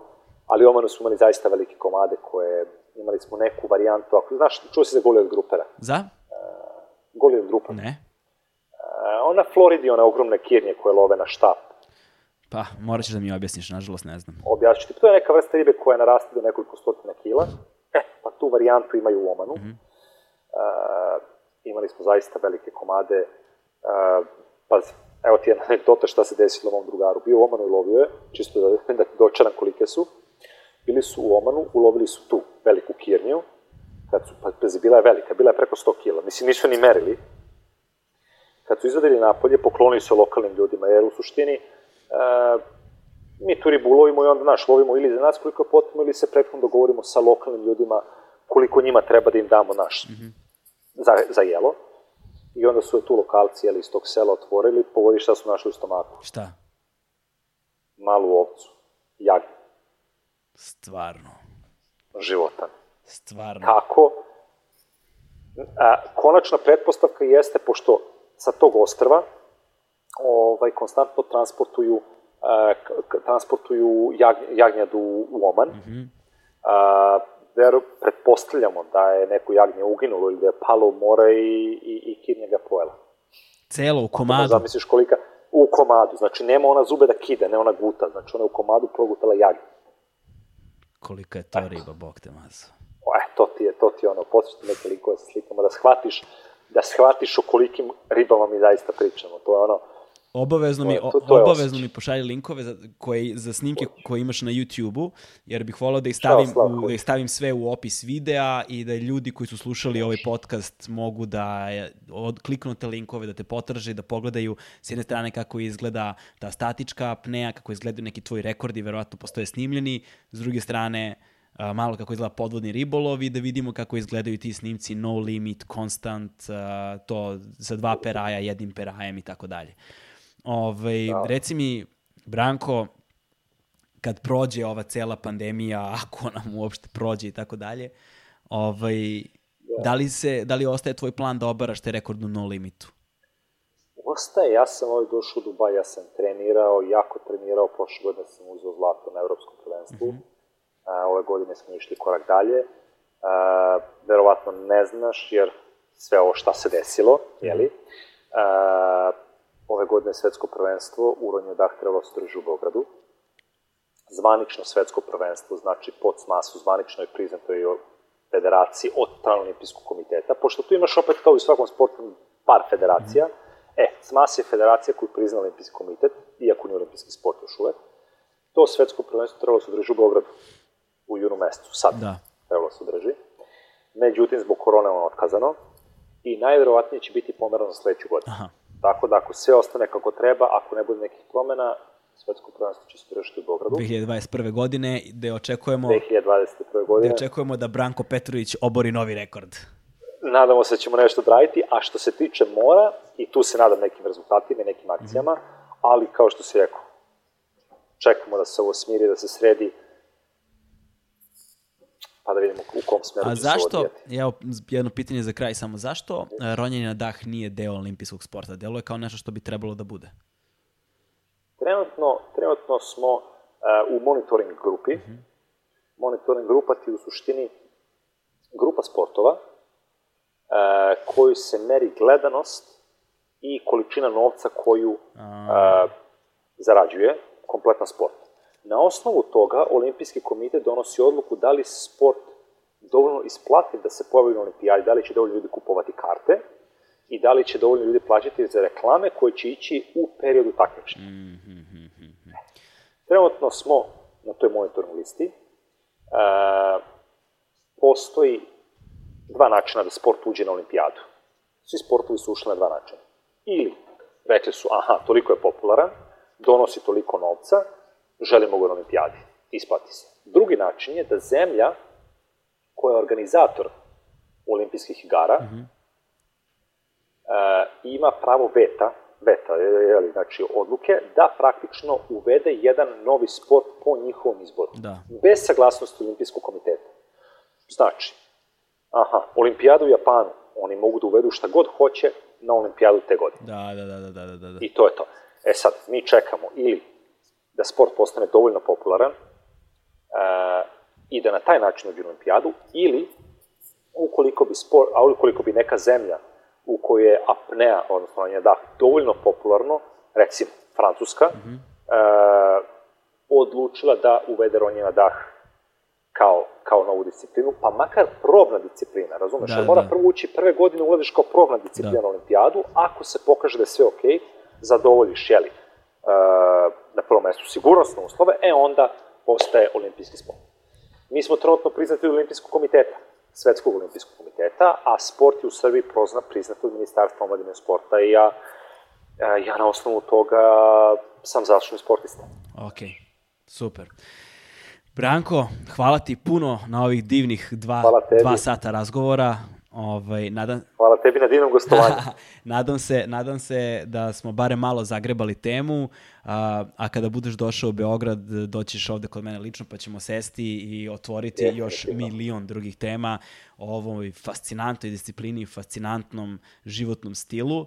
Ovaj, hoću se zahvalim takođe svima vama koji pratite naš podcast, a, samo da napomenem nekoliko stvari pre nego što završimo a to je da možete da podržite naš podcast jednokratnim uplatama preko Paypala, link je u opisu videa, možete da budete ono što nam je najdraže naravno, a to je da budete mesečni pretplatnici preko sajta Patreon, takođe link imate u opisu videa. I još jedna mala napomena, a to je da najveći broj poseta odnosno ljudi koji nam redovno dolaze i slušaju naš podcast, više od 70% vas su ljudi koji se takođe nisu subscribe-ovali na kanal, tako da molim vas ukoliko ste naš redovni posetilac, ukoliko volite, cenite, poštujete naš rad i želite da nastavimo dalje, vaša podrška nam na svaki mogući način beskreno mnogo znači, tako da lupite taj subscribe i hvala vam puno svima još jednom, gotovi smo za još jednu epizodu, vidimo se sledeće nedelje.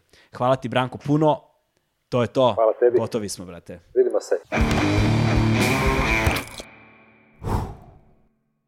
Hmm.